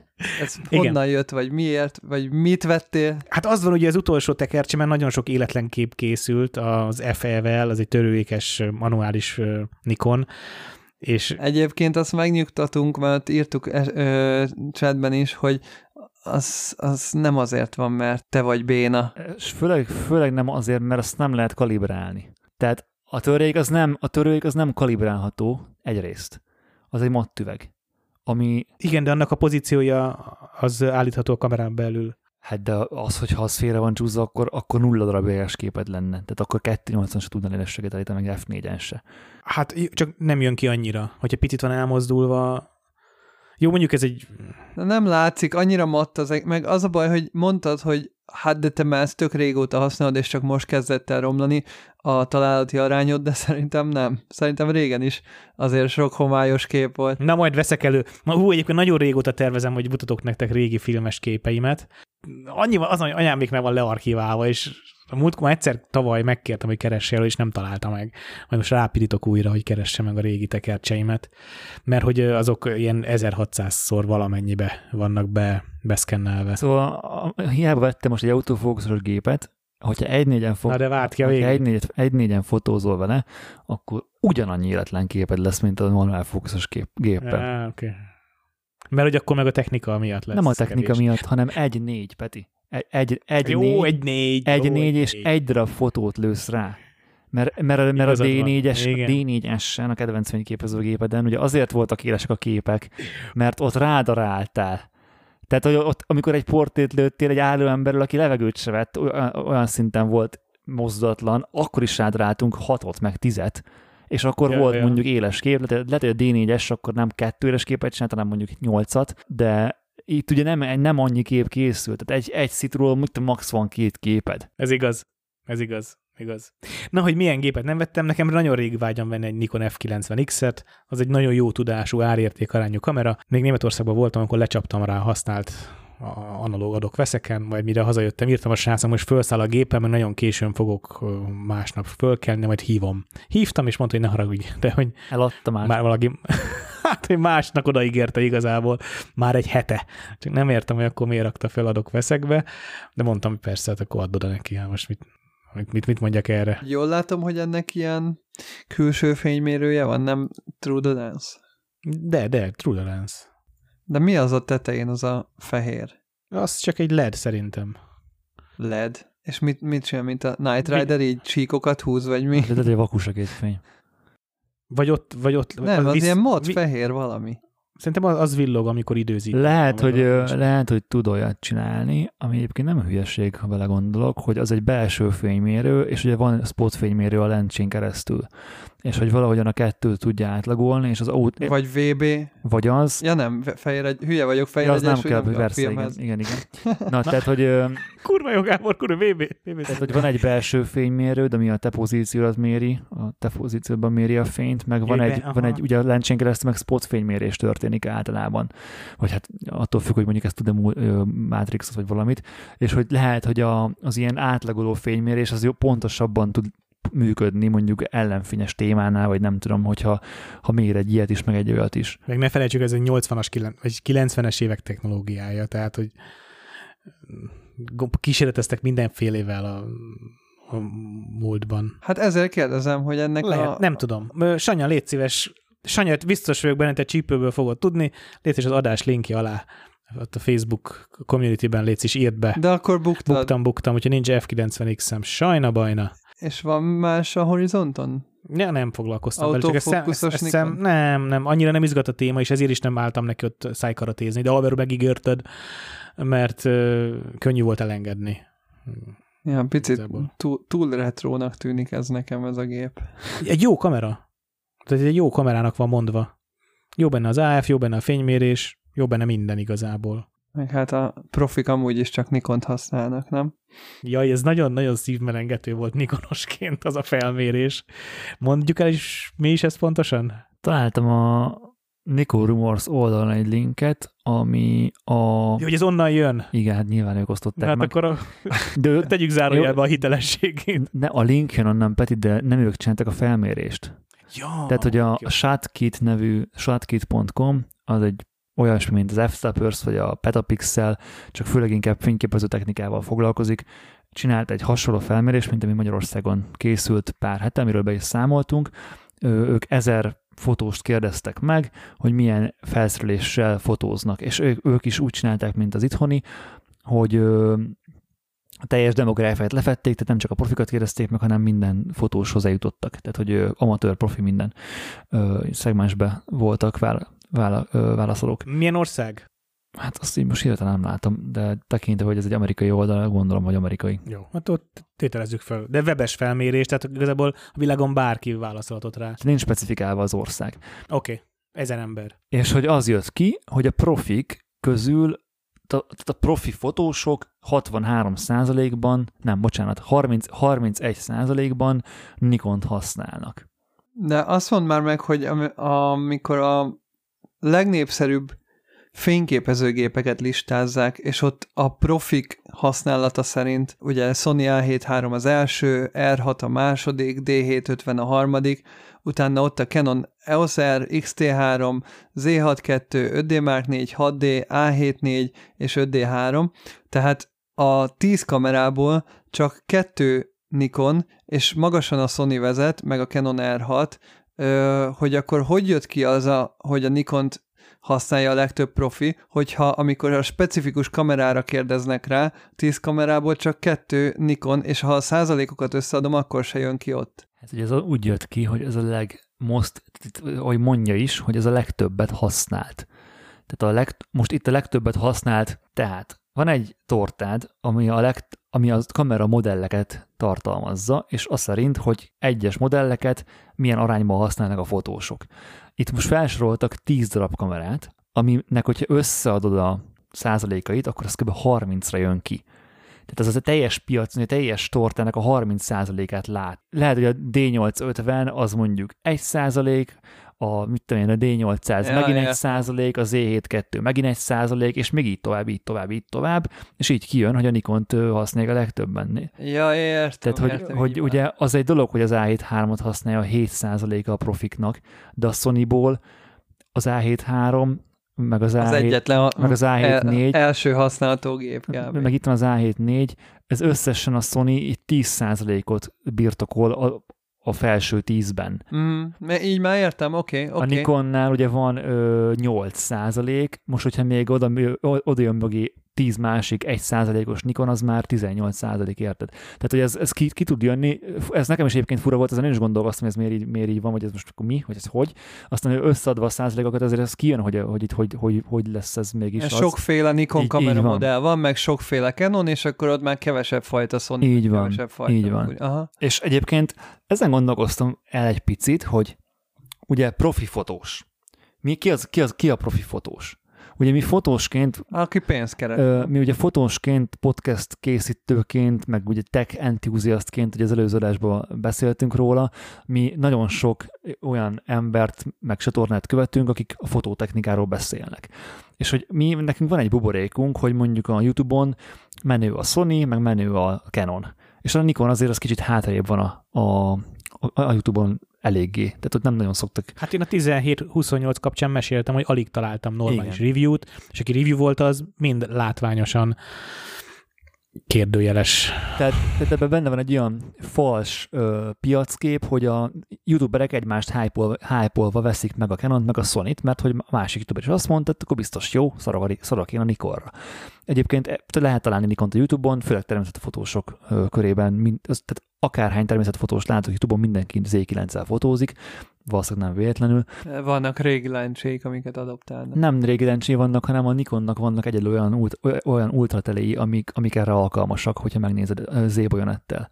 Tehát se az R bajonettel, se nagyon a Sony-val nincsenek ja, olyan speci, speciális teleobik, ami a Nikonnak meg konkrétan nem egy, hanem 15 darab van kb. Most túloztam nyilván. Tehát ők, ők hamar adaptálták Igen. az újban olyanatra nagyobb. Hát mert ugye tudták, hogy nekik ez a piacuk. Tehát, hogy ők tud, tisztában voltak vele, hogy a, Lehet. Hogy a... Meg valamire lőni kell. Igen. Tehát, hogy, hogy ha már a, ha már a riportfotósokat kicsit így elvesztettük, mert nagyon sokan átmentek sony akkor menjünk a net. Meg még hozzátenném azt is, hogy a, a, ugye most megy a világkupa, a foci világkupa, és a, az irodában elég sok foci rajongó van, én egyébként csak azért, vagy fél szemmel követem ugye a kollégák miatt, én nem nagyon érdeklődöm miatt, de ugye, hogyha nézzük, a köz, vagy megy a tévén a közvetítés, ugye akkor sokszor mutatják a fotósokat. És nagyon-nagyon sok Nikon objektívet látok a, a fotós ö, sávban. Tehát, hogy meglepően sok Nikon objektív van. Elvétve van egy-egy fehér objektív, ami ugye lehet Sony vagy Canon. És hogy lehet, hogy a, a mi kis content kreator, YouTube podcaster, izé, hobbifotós szegmensünk az azt mutatja, hogy jaj, a Canon a legjobb, de van egy ilyen felmérés, amikor megkérdezik a profit, hogy akkor mit használsz, és kijön, hogy a Nikon használja, mert hogy ő pont leszarja ezeket a kontenteket. Mondjuk eléggé egybe van a 31 Igen, csak hogy, 28 hogy, csak hogy az a, érted, meglepő, hogy a Nikon... Pariba vannak. számomra az is meglepő volt, hogy a Nikon egyáltalán a top 3-ba benne van. Aha. ebből a buborékból, vagy ebbe a buborékból le, léve. Érted, hogy mit, hogy ért, hogy mondom? Értem. Képzétek el, mellettem ült a, az AP hírügydökségnek az egyik fotós, a 2Z9 rohadt nagy objektív, szégyellem, de nem néztem, mert nem néztem meg mi. Ez az igazi amatőr. Hát nagy objektívje volt, biztos profi. Biztos, biztos profi volt. Tudom, igen, ahogy kimondtam, ahogy kimondtam, éreztem, hogy ez nagyon béna mondat. Nem, hát nem néztem meg, bazeg. Sőt, nem is kértem meg, hogy hadd nézzek bele, meg milyen közelre hozza a beszélő fejét. És milyen élet. Csak egy kicsit elkezdtem beszélgetni, beszélgetni vele, és kérdeztem, hogy mennyire elégedett a Z9-el, és nagyon csúnyán rázta a fejét, hogy hát nagyon nem elégedett. Lehet, hogy nem frissítette a firmware és kérdeztem, hogy legújabb firmware, mondta, hogy igen, az autofókusz az már, autofókusz az már egész jó lett, eleinte azzal is voltak gondok, de azzal már megbékült, az IVF-et nagyon szereti, az LCD-t nagyon szereti, de hogy nem jók a színek. Azt mondja, nem hiszi el, hogy világ életeiben Nikonos volt, aztán átmentek egy rövid időre Canonra, ott azzal nem tudott megbarátkozni, meg nem is keveselt az R3-nak a 24 megapixelét. Igen, az elég nagy hátrány az a 1 meg az E9-es. És nem volt boldog a színekkel. És akkor visszajött. Hát én is ezt érzem a Nikonna. És visszajött Nikonra, és, és azt mondja, most se boldog a színekkel, és az egész ott azt mondja, hogy, hogy, hogy utalt a csapatra, hogy több, hogy, hogy mindenki maga választhat kamerát, ahol mondom, ott dolgozik, AP, AP és matricák voltak az objektíven, tehát ott dolgozik, de lehet, hogy külsős volt, nem mentem bele ennyire. Kérdeztem, hogy, hogy a kamera az nála a saját választása, és mondta, hogy igen. Még azért az egy elég meredek, hogy így simán át tudott menni Canonra, majd á, vissza Nikonra. Tehát, hogy ez, hogy, itt, hogy ez itt hogy mehet náluk, ezt így nem tudom, hogy csak bemegy, bemegy és leveszi a polcról. Úgyhogy van rendes órabérük. Jó, ez is biztos benne van, igen. Na mindegy, a lényeg a lényeg, hogy ő azt mondta nekem, hogy kérdeztem, hogy hát én mondtam neki, hogy én, én, én még nem mertem egész egyszerűen még az Z9-et megvenni, pedig még a büdzsé kalkulációval se csináltam meg, hogy megvegyem. Most a Z7, amikor vettem a Z7-et, el se gondolkoztam, hogy Z9-et vegyek, mert egyszerűen annyira drága, és annyira nem érzem azt a, azt a, azt a pluszt, hogy megérné, és mondta, hogy hát egyelőre is vegyem meg szerinte. Egy abszolút nem boldog vele, és hogy a rumorok nekik azt mondják a Nikonosok, hát most ezt így mennyire lehet elhinni, hogy kap külön infót egy ilyen írügynökség, amit aztán el is mondhat esetleg egy ilyen beszélgetés során. Csak kikotyogja. Amit utána a, az ember kikotyog egy podcastben. Amit utána még elmesélek egy podcastben, igen. Hogy, hogy, na, hogy dolgoznak a Nikonosok egy új firmware ami majd ezt a szín problémát helyre teszi. Hát én nagyon szkeptikus vagyok ezzel kapcsolatban. Én emlékszem, hogy tényleg rosszabb volt a színe az Nem volt jó. Hát a, mint amit, azért... amikor teszteltük igen, a, a, a, többi kamerahoz képest. De nekem az Z6-2 színése tetszenek. Tehát nekem a Nikon Mirror lesz színei.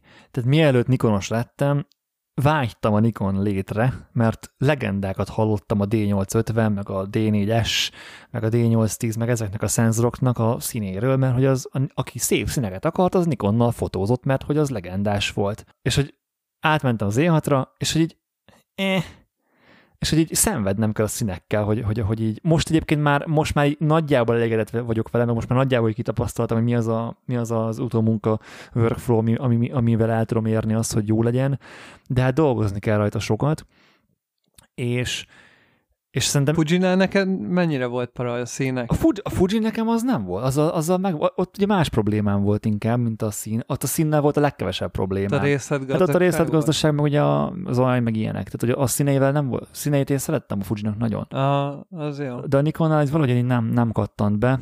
Mm, nem tudom, hogy esetleg egyszer tényleg tudok váltani SR-re, Leica SR-re, hogy azzal mi lesz, azt lehet, hogy, az, Kíváncsi lehet, hogy az se lesz jó. De egyébként én annak örülnék a legjobban, hogyha Nikon megcsinálna magát, és nem kéne váltanom, tehát az is egy járható út lenne.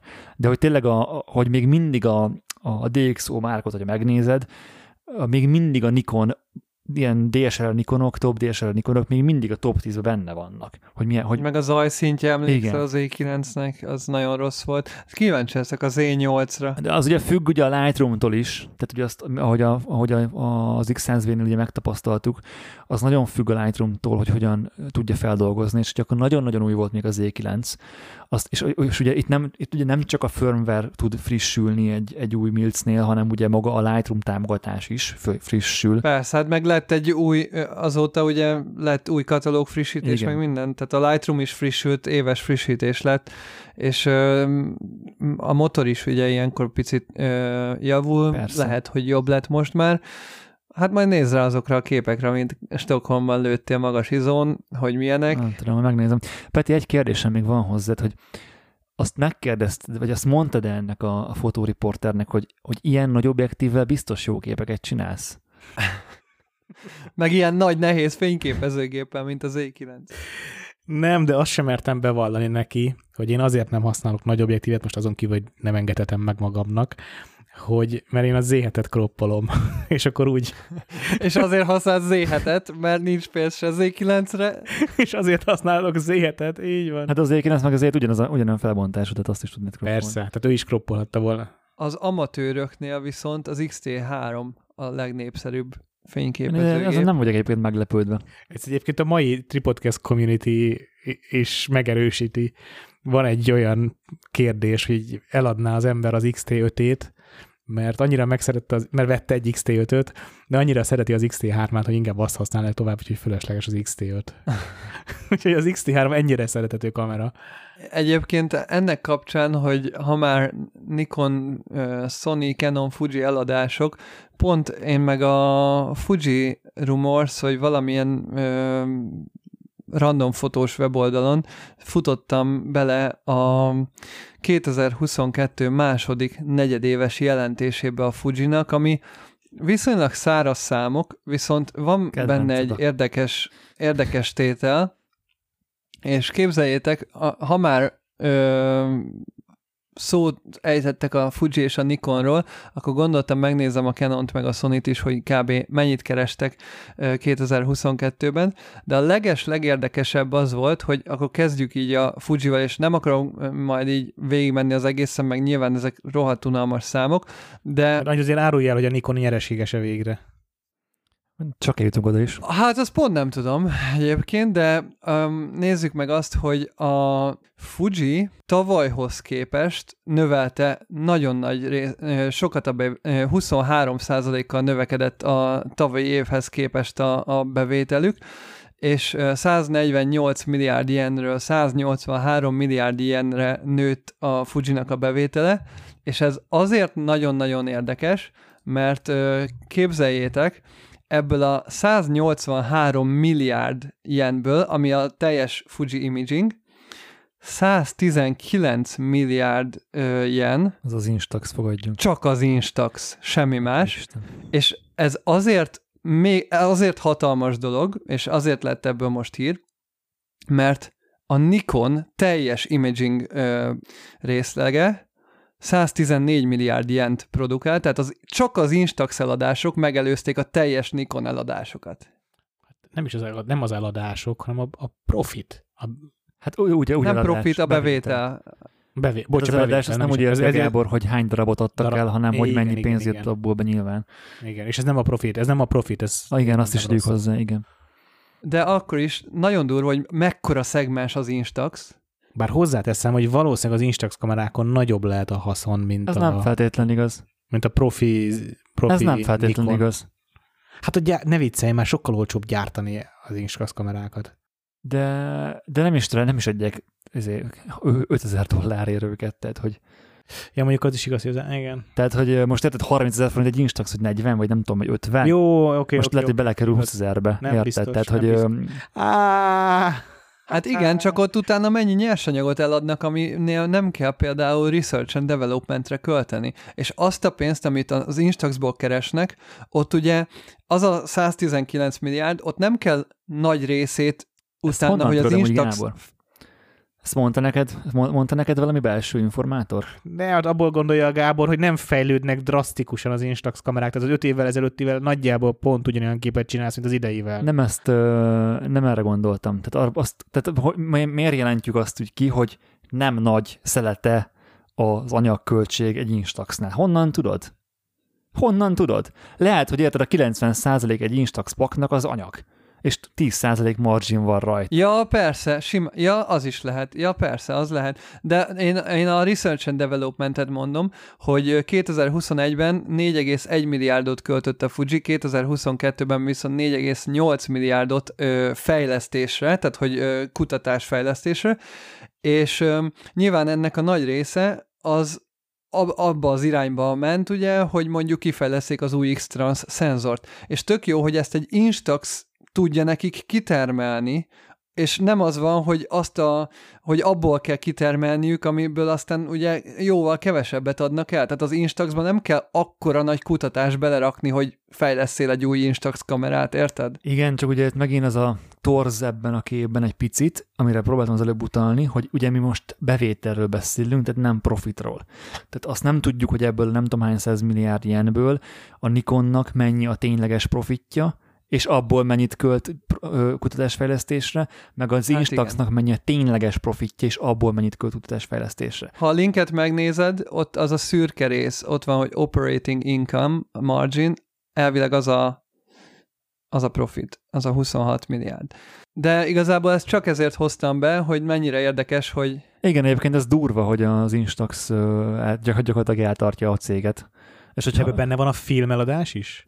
Persze. Persze. Hát azt, azt Mert azért, azért az nagyon, hát persze. Ugye, ugye azért az egy nagyon nagy volumen az, hogy egy olyan terméket árulsz, ami utána előfizetéses modellként kéri a pénzt a usertől. Én szerintem egyébként amiatt van ekkora bevételük. Tehát nem a, nem, érted? Persze, nem a kamera. Nem a kamera, alatt. persze, nem a kamera. Hát ha azt nézed, film. mondtad, hogy 30 ezer az Instax fényképezőgép, de utána 100 ezereket elköltesz. Így van, így van. Ezért mondtam. Tehát, hogy meg, meg abból veszel többet, nem a, meg az ugye évekre hozzák a márkához, vagy hát a márkához, hanem az eszközhöz gyakorlatilag. És, és, és, és, és gondoltok csak bele, marha jó, megveszed az Instax kamerát, veszel hozzá egy csomó filmet, utána ne is elromlik a kamerád, meg kell venni újra a kamerát. Van, egy, van a kurva sok filmed, muszáj vagy venni még egy kamerát, mert nem fogod elajándékozni, meg eladni. Ráadásul nekem az a tapasztalatom most így a baráti körbe, ahol már mindenki vett Instaxot, kivéve egy ö, lány mondta még, hogy hát ő, ő meg hiába van mindig bármilyen találkozónkon ott valakinek az Instaxa, most már ő is vágyik rá, hogy bármelyikkel fényképezhetne, de ő is szeretne most már sajátot, de pluszban még az a tapasztalatom, hogy így, vagy esküvőkön is, amikor találkoztam ilyen Instax sarokkal, meg hozták a, a lányok az Instax kamerájukat, hogy előszeretettel költenek brutál összegeket a, a csili keretes Instaxokra. Persze. Tehát, hogy, hogy a 5000 forintért a 10 kép, azért, mert nem tudom, rózsaszín kerete van, az így nekik tök oké, okay, és tök jó, hogy így nagyon kemény. Meg az albumok. Hát az is, Jó, de ezt, ezt nem úgy fogd fel, mint egy fot, tehát ez, ez egy hobbi. Tehát ezt, az Instaxot nem lehet gazdasági szempontból mérlegelni, mert nem arra készült. Nem azt mondom, csak Tehát... hogy mennyivel, hogy, hogy majdnem annyiból tud venni egy 20-as pakot, mint amennyire megveszi a Chili pakot, és mégis a Chili re és abból vesz meg Igen, mert neki az a, az a délményt. Tehát neki nem az a délményt, hogy vehet egy 9-et, hanem hogy vehet Chili ö, keretet, mert máshogy, máshogy áll hozzá a dologhoz. Mondjuk és hozzáteszem, rohadt jól nézzek ki a csili hát igen, keretek. nyilván. Tehát, hogy, ö, mindegy, tehát ez, ez tök, tök más ö, szem, tehát szerintem most nem, nem őket kiemelve, de hogy bármelyik inst, Instax user teljesen más döntések mellett vesz, inst, költ Instaxra, meg költ fényképezőgépre. Hogyha mondjuk igen. magadat nézed, vagy, vagy bár, érted, akinek mondjuk van rendes fényképezőgépe is. Igen, igen, érdekes, érdekes. És um, ami még érdekes volt, hogy kiemelték, hogy direkt így negyedévente, negyedévekre van elosztva, ugye projektálják a bevételt, és akkor ugye a megjelenések, hogy a második negyedév végére lett ö, behozva az XH2S, után, és, és az Instax Minilink 2 is azt hiszem akkor jelent meg, utána a harmadik negyed évben jelent meg az XH2, és a negyedik negyed évben jelenik meg az XT5, tehát hogy direkt minden negyed évre raknak egy kamerát, hogy ugye mindig a financiális jelentések ugye jók legyenek, tehát tök érdekes, hogy ha akarnák, ugye akkor egybe is kihozhatnák a hármat, csak nyilván el van ugye Persze. tolva, hogy minden negyed évben megjelenjen egy kamera. A Nikonnál nem annyira volt így negyed évente most ilyen új kamera. Ö, ami még érdekes így méretekben, hogy ö, ugye ha azt nézzük, akkor hogy a GFX meg az X széria meg ezek, az akkor 64 milliárd ö, ilyen,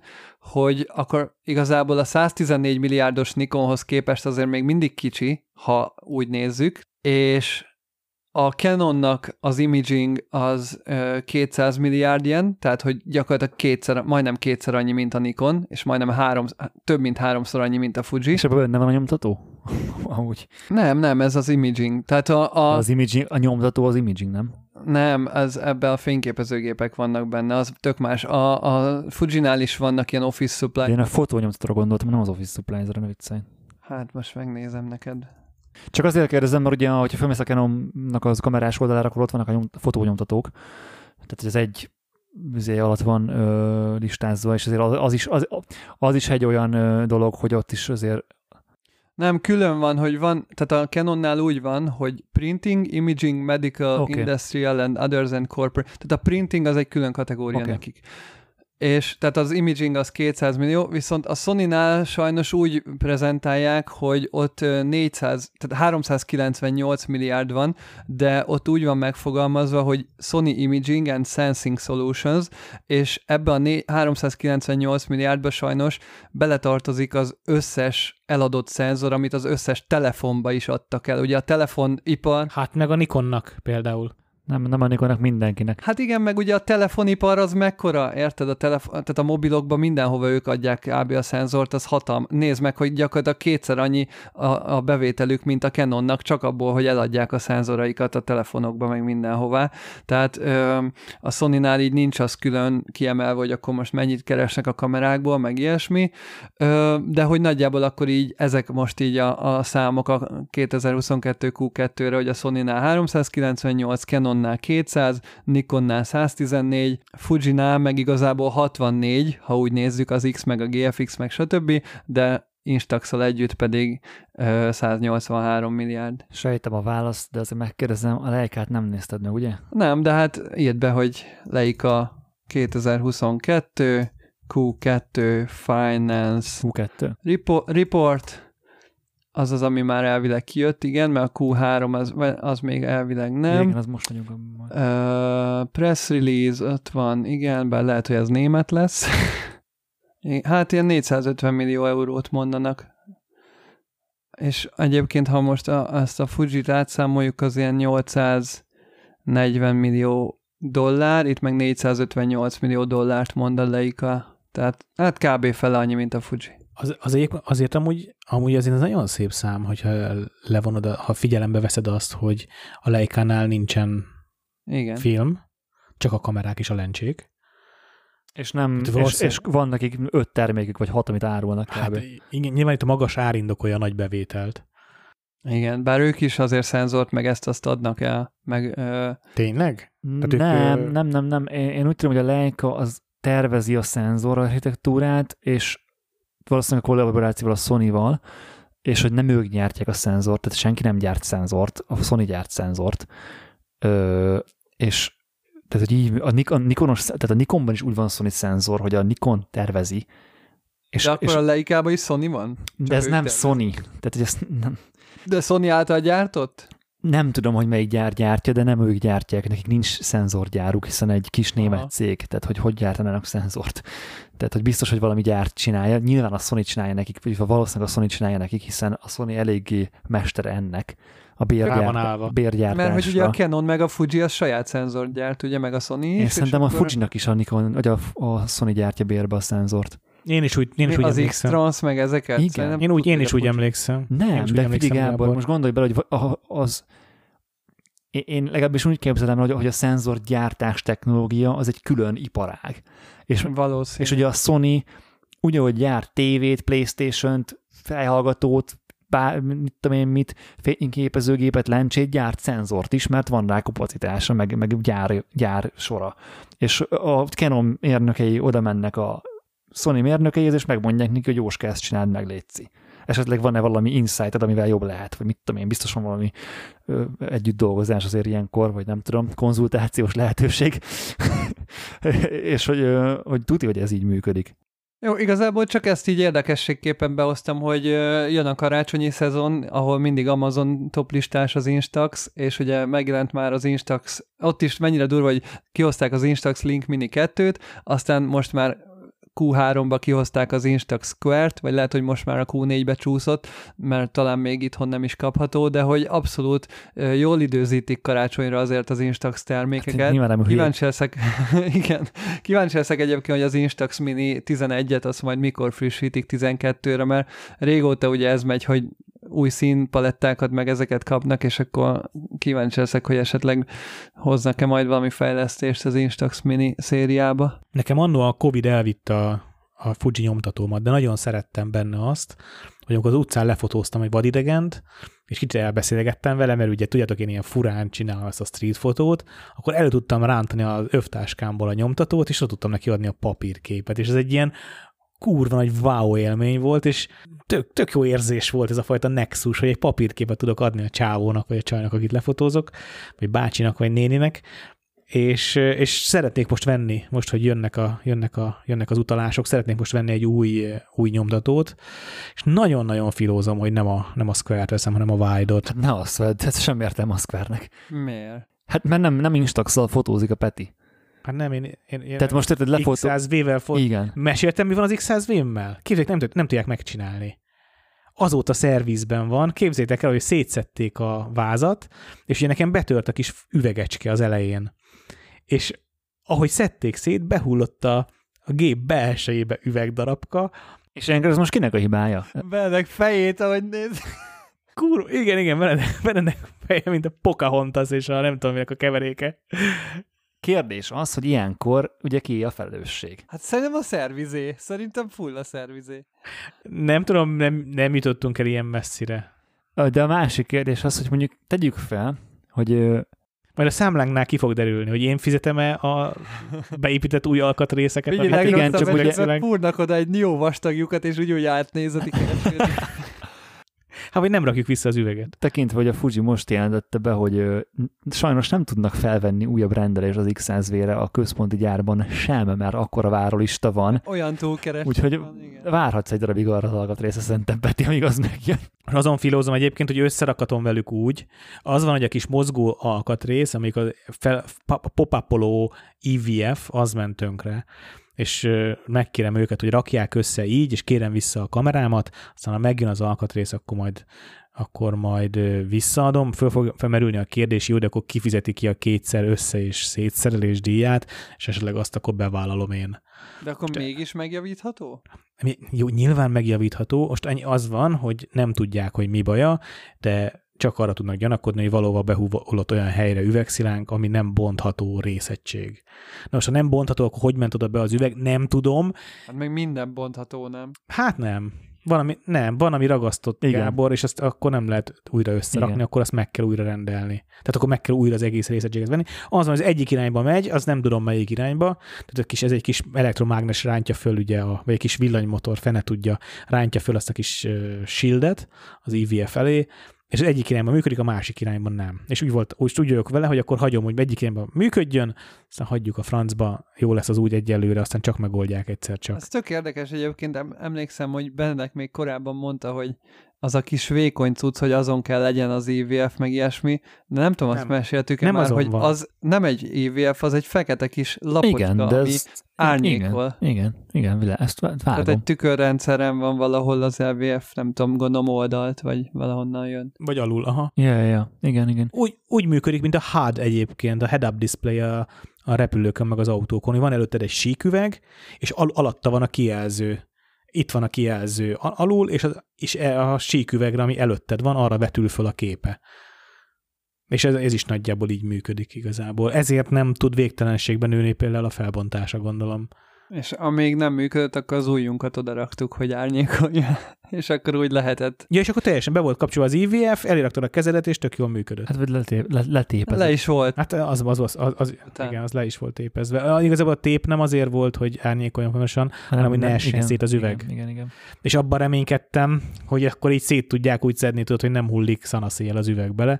Hát nem sikerült, de minden esetre nagyon szeretnék egy ilyen nyomtatót, legfeljebb megpróbálok kunyizni egy T5-öt, vagy valami újabb fajta kamerát, ami... Egyébként visszatérve nyomtatóra, én mindenképpen az a wide venném, hiszen annak van az egyrészt nagyobb, mint az mini, és ugye mivel nem négyzet alakú szenzorra fotózol, hanem 2-3-as képarányra fotózol, ezért evidens, hogy abba is printeld. És hogy 2-3-ban van a wide a... Tök mindegy, de közelebb van hozzá, mint, a, mint az ja, egy-egyhez. Az Ö, és még, még, áll, még az állókép is működik szerintem a wide tehát nem kell a, most az, hogy, a, Igaz. hogy melyik oldalán van a vastag, izé, tök mindegy. Igaz. Tehát, hogy szerint én mindenki, hogy én bármikor vennék ilyen nyomtatót, én tudja, hogy a wide venném. Egyébként olyan szempontból sokkal jobb a wide, hogy a wide-ból a kamera az nagyon batár, a Igen. nyomtató meg szép kislapos, még a többinél nyilván többinél is kisebb a nyomtató, mint a kamera, de akkor is. A, a Wide-nak a nyomtatója az nem egy nagyon nagy méret, és, és mégis tök szép nagy képet ad ki. Közben megnéztem a Wide-nak a képarányát, 4-3. 54 mm, de 54 mm 86 mm. Tehát inkább a mikro 4 harmad kép aránya. Hát, vagy a GFX. Ja.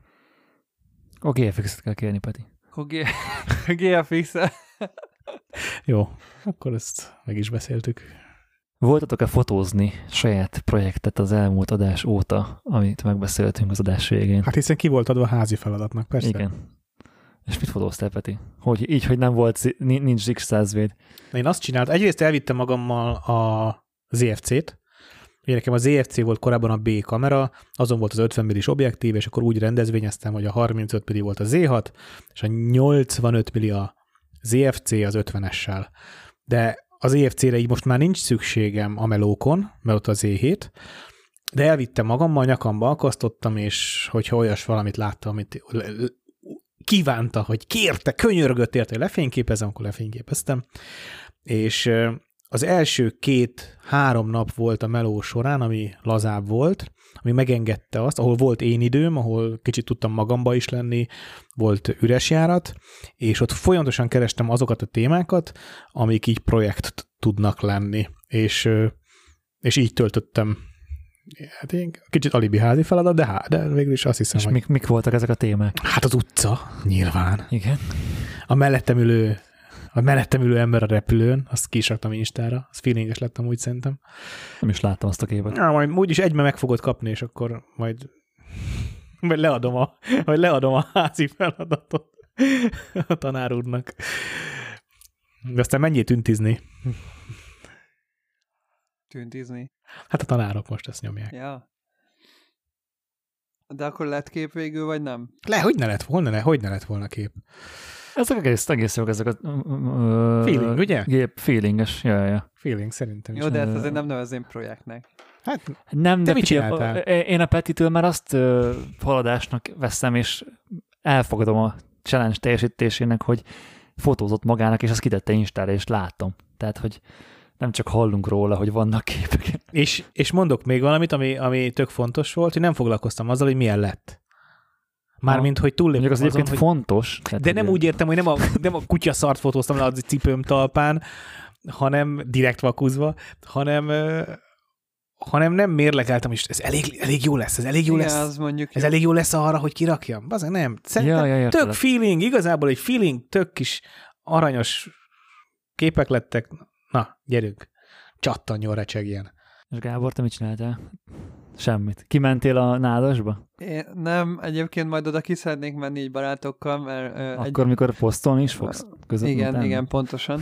én, én, én is egyébként gondolkodtam ezen sokat, és, és ebből szeretnék is egy témát behozni, de még mielőtt átmegyünk a témára, megválaszolom a kérdést. Én egyszer kimentem Instaxra ködöt fotózni, és három darab teljesen fekete képpel jöttem haza, mert éjszaka sajnos kivittem az állványt, meg mindent, de az Instax kamera nem tud hosszú zár. Én azt hittem, hogy olyan, mint a point and shoot, hogy két-három másodpercet tud automatán, és akkor, és akkor gondoltam, felrakom állványra, 10 másodperces időzítő, és az első képnél három darab ö, pötty lett, mert ugye a lámpákat akartam fotózni ködben, és akkor három darab pöty lett a teljesen fekete Instaxon, aztán hát mondom, oké, akkor biztos túl sötét volt, kimentem kicsit egy ilyen még világosabb, egyen jobban megvilágított útra, ott is lett három picit világosabb pötty a, teljesen fekete Instaxon, és akkor utána mentem hazafelé, és akkor találtam egy ilyen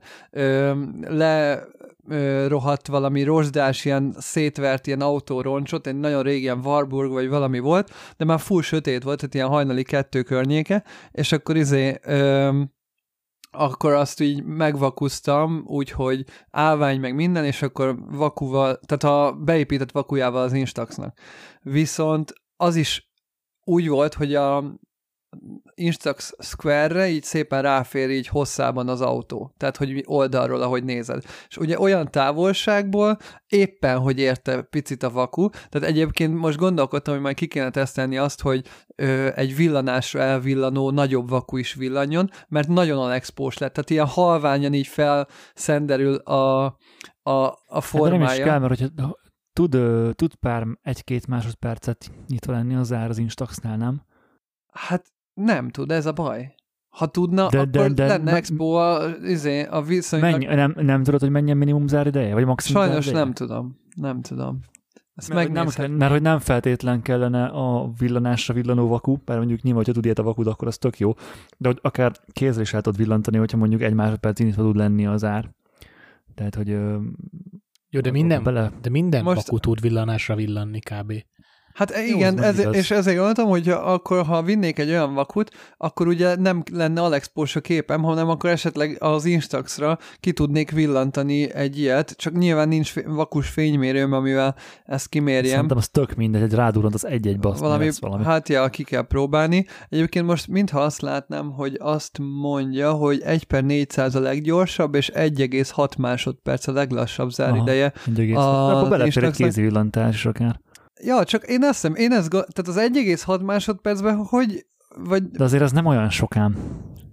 Hát igen, főleg, Tehát hogy főleg, mennyi hogyha a... mondjuk ilyen 200-as film, vagy nem tudom milyen film van benne, mondjuk 200-as filmben azért sötétben azért kell egy ilyen jó 10 másodperc sokszor. Várjál, mennyi az Instaxnak a sensitivity? ISO 800-as az Instax film, és az Instax SQ6-nak a rekesze, ami nekünk van, az f12,6-os, tehát ISO 800 f12,6-on 1,6 másodperc, hát az az nem sajnos izmos. elég, az, az nem izmos, főleg, hogy eléggé sötét eleve az Instax ö, papír, tehát a, az éjszakai ö, dolgokat azt ezzel el kell felejteni. Egyébként azért akartam ezt, mert a, a Kyle McDougall-nél volt egy ilyen Instaxos cucc, csak ő ugye azt manuális kamerával csinált, és az tök jó volt, hogy ott ilyen ködös lámpát fotózott, és akkor ott hosszú záridővel nyomatt, és akkor gondoltam, én is kipróbálom, hát ha elég ez az 1,6 másodperc, de, de nem volt elég, ezért gyakorlatilag három, vagy két darab full sötét, meg egy ilyen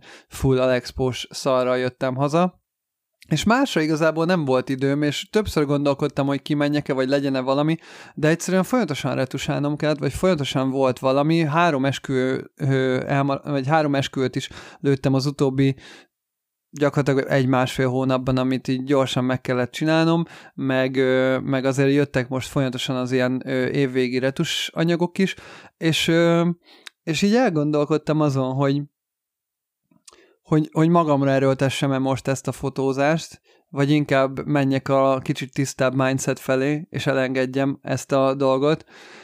Na jó, de Gábor, te évek óta a tisztább mindset felé Nem. mész. Hát pont ez, az, pont, pont ez a baj, hogy ö, mindig stackkel, tehát hogy most ezen a ponton... De figyelj, ezt, az a baj, hogy ezt megint, ö, tehát hogy mondtam egy ötletet, hogy mit csináljunk a két adás között, és akkor Peti azt csinálta, amire én egyébként gondoltam, hogy kimész, és így mindenféle kötöttség, meg túlgondolás. Nekem olyan más tehát... esélyem nem is nagyon volt. Igen, igen. De, de... Jó, de most érted, Peti elutazott Berlinbe, Benedek, te meg érted, mondtad, hogy menjünk ki a városba, csak érted, nem mindenki Stockholmba lakik, ahol kurva jól szakad a hó, és nem Tibor cég csinálták mondjuk a közvilágítást, meg stb. Stockholm shaming.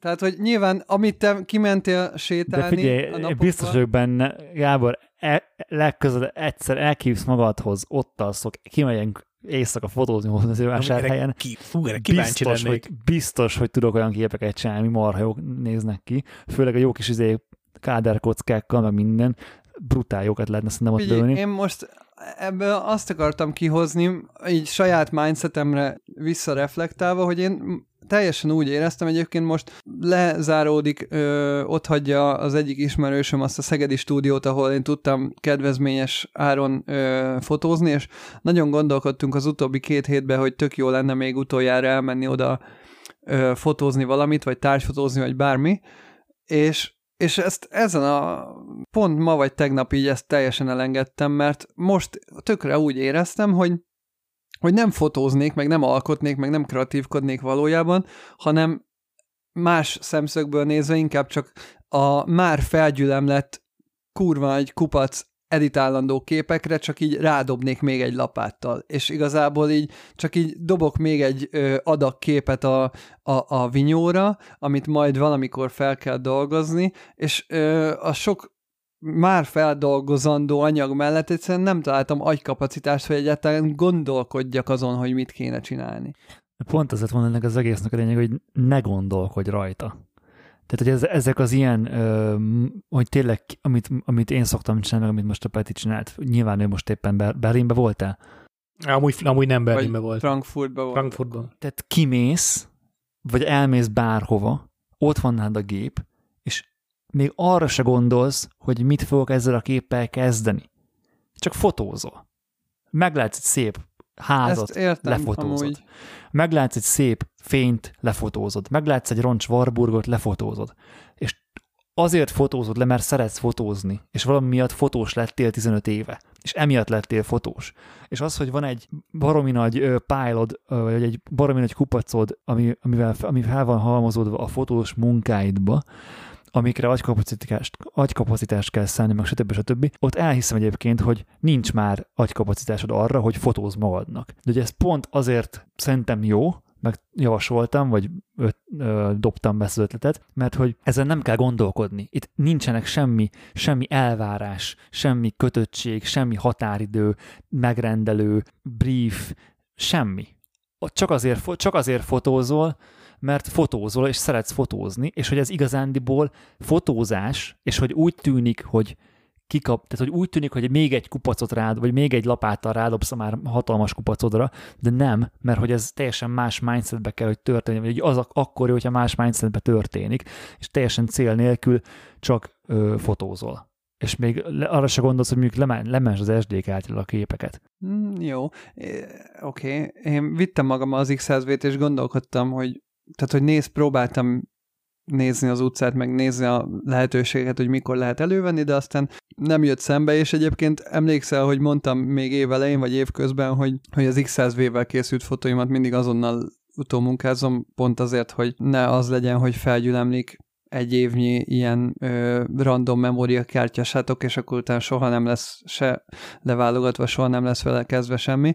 És az utóbbi egy-másfél hónapban még erre se volt időm, tehát most ö, vannak ilyen képek, amiket most elmondtál, de hogy azok is jelenleg x hete feldolgozatlanul állnak. De ez senkit nem zavar, szerintem ez a tény. Ne, nem a, csak azért mondom, nem, nem ö, is kifogásnak akarom ezt hozni, meg, meg igazából ö, ö, pont ezt akarom innen tovább vinni a témát, hogy nem akarok én ebben itt beleragadni, hogy most én nem csináltam meg a házi feladatot, hanem, Jö, in, nem, nem, nem, nem tudom, hanem, hanem inkább csak afelé akartam elmenni, hogy, hogy megszületett bennem ez a gondolat, hogy azt érzem, hogy ha most nekem van egy nagyobb célom, amit mondjuk el szeretnék érni, tegyük fel az, hogy a weboldalom kész legyen év végéig például, amire muszáj fókuszálnom, akkor egyszerűen csomó mindenre például nemet kell mondanom és ez is része volt annak, hogy oké, okay, akkor most megcsináltam azt, hogy utómunkázok itt egész nap, vagy kimegyek sétálni egyet, és fotózok egész délután.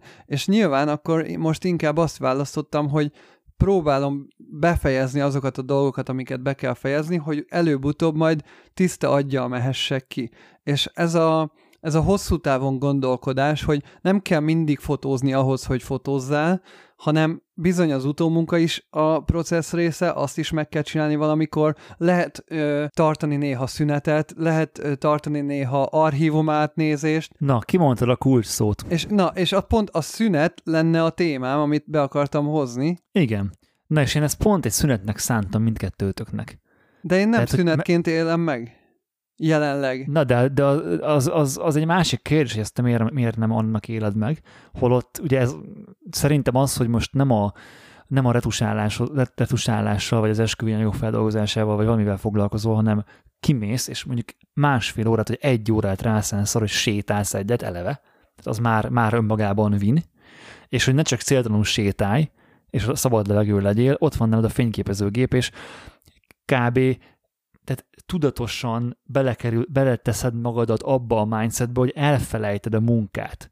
Nem azon gondolkozol, nem azon pöröksz, és az az egy óra szünet, az meg fogja magát hálálni, nem véletlenül alszunk. Tehát, hogy az sem azért van, hogy el, elüssük az időt, hanem azért, hogy feltöltödjünk, le, ki tudjuk, tehát, hogy az agynak nem jó az, hogyha ugyanazon pörög napokat, heteket, hónapokat, mert az, az, az csak egy végtelen spirálba teszed be magadat, és igazából nem tudsz egymásra kettő, egyről a kettőre jutni. De ezért akarok én most afelé dolgozni, hogy ezeket lezárjam, nem az, hogy még, ö, még több képet gyártsak. Amit én, amit én mondtam ezzel kapcsolatban neked, még amikor Benedek kiadta ezt a feladatot, hogy csinálj, utána, utána írtuk chatbe, hogy csinálj olyat, amit még nem csináltál mert ezt már csinálod régóta. Tehát az, hogy lezárd a, a felgyülemlő munkát, az csinál... De nem, ilyet szoktam csinálni, Peti, hát volt már ilyen, hogy csináltam, csak nem az utóbbi két hétben. Te tudod.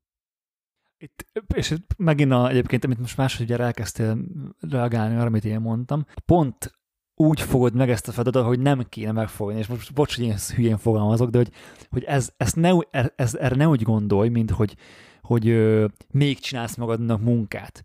És hogy ez nem elvesz abból az időből, amit, amin dolgozni kéne, meg, meg ö, le kéne zárni a feladataidat, meg, meg, meg kéne csinálni a weboldaladat, hanem egy mondjuk jó, tudom, hogy te nem sportolsz, de mondjuk, hogyha kimennél futni 15 vagy fél órát, vagy egy órát, azért, hogy feltölt, hogy ez ugyanolyan, ugyanolyan kikapcsolódás. Tehát ez egy pihenő a munkában.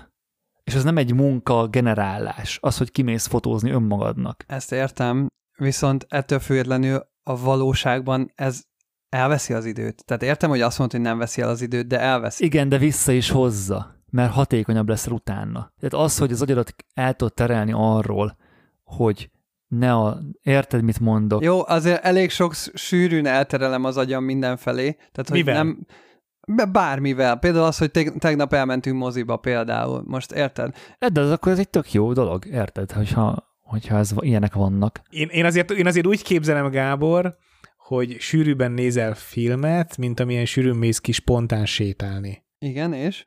Na és erre vonatkozott az, hogy ha valami olyasmi élményt vágysz, amit most még nem élsz meg, akkor csinálj olyat, amit eddig nem csináltál. De én most nem vágytam erre az élményre, hanem itt arról a tudatosságról van szó, hogy amit én most be akarok, amiről én beszélek, hogy valójában mit akarsz csinálni? Értem, csak ugye a téma, Gábor, az volt, értem, értem, ezt értjük, csak a téma, nyilván ezt a hallgatók annyira nem tudják, mert most itt csak úgy hivatkoztunk rá, mint egy házi feladatra Benedektől, de tulajdonképpen a challenge, a kihívás, a téma az az volt, hogy mindenki csináljon valamit magáért, magának, ami, ami nem, az a meg, nem, ami nem a megszokott. Tehát most röviden összefoglalva inkább erről szólt a Benedeknek a felhívása, most én szeretném, hogy átmenjünk arra, hogy ki hogyan tart szünetet, és hogyan tisztított ki az agyadat, például, hogyha Peti elutazik meg, stb. És annak szerintem nem része az, hogyha van tök sok tennivalód, amit, amit meg kell csinálni, és azt nem megoldod, hanem elmenekülsz előle,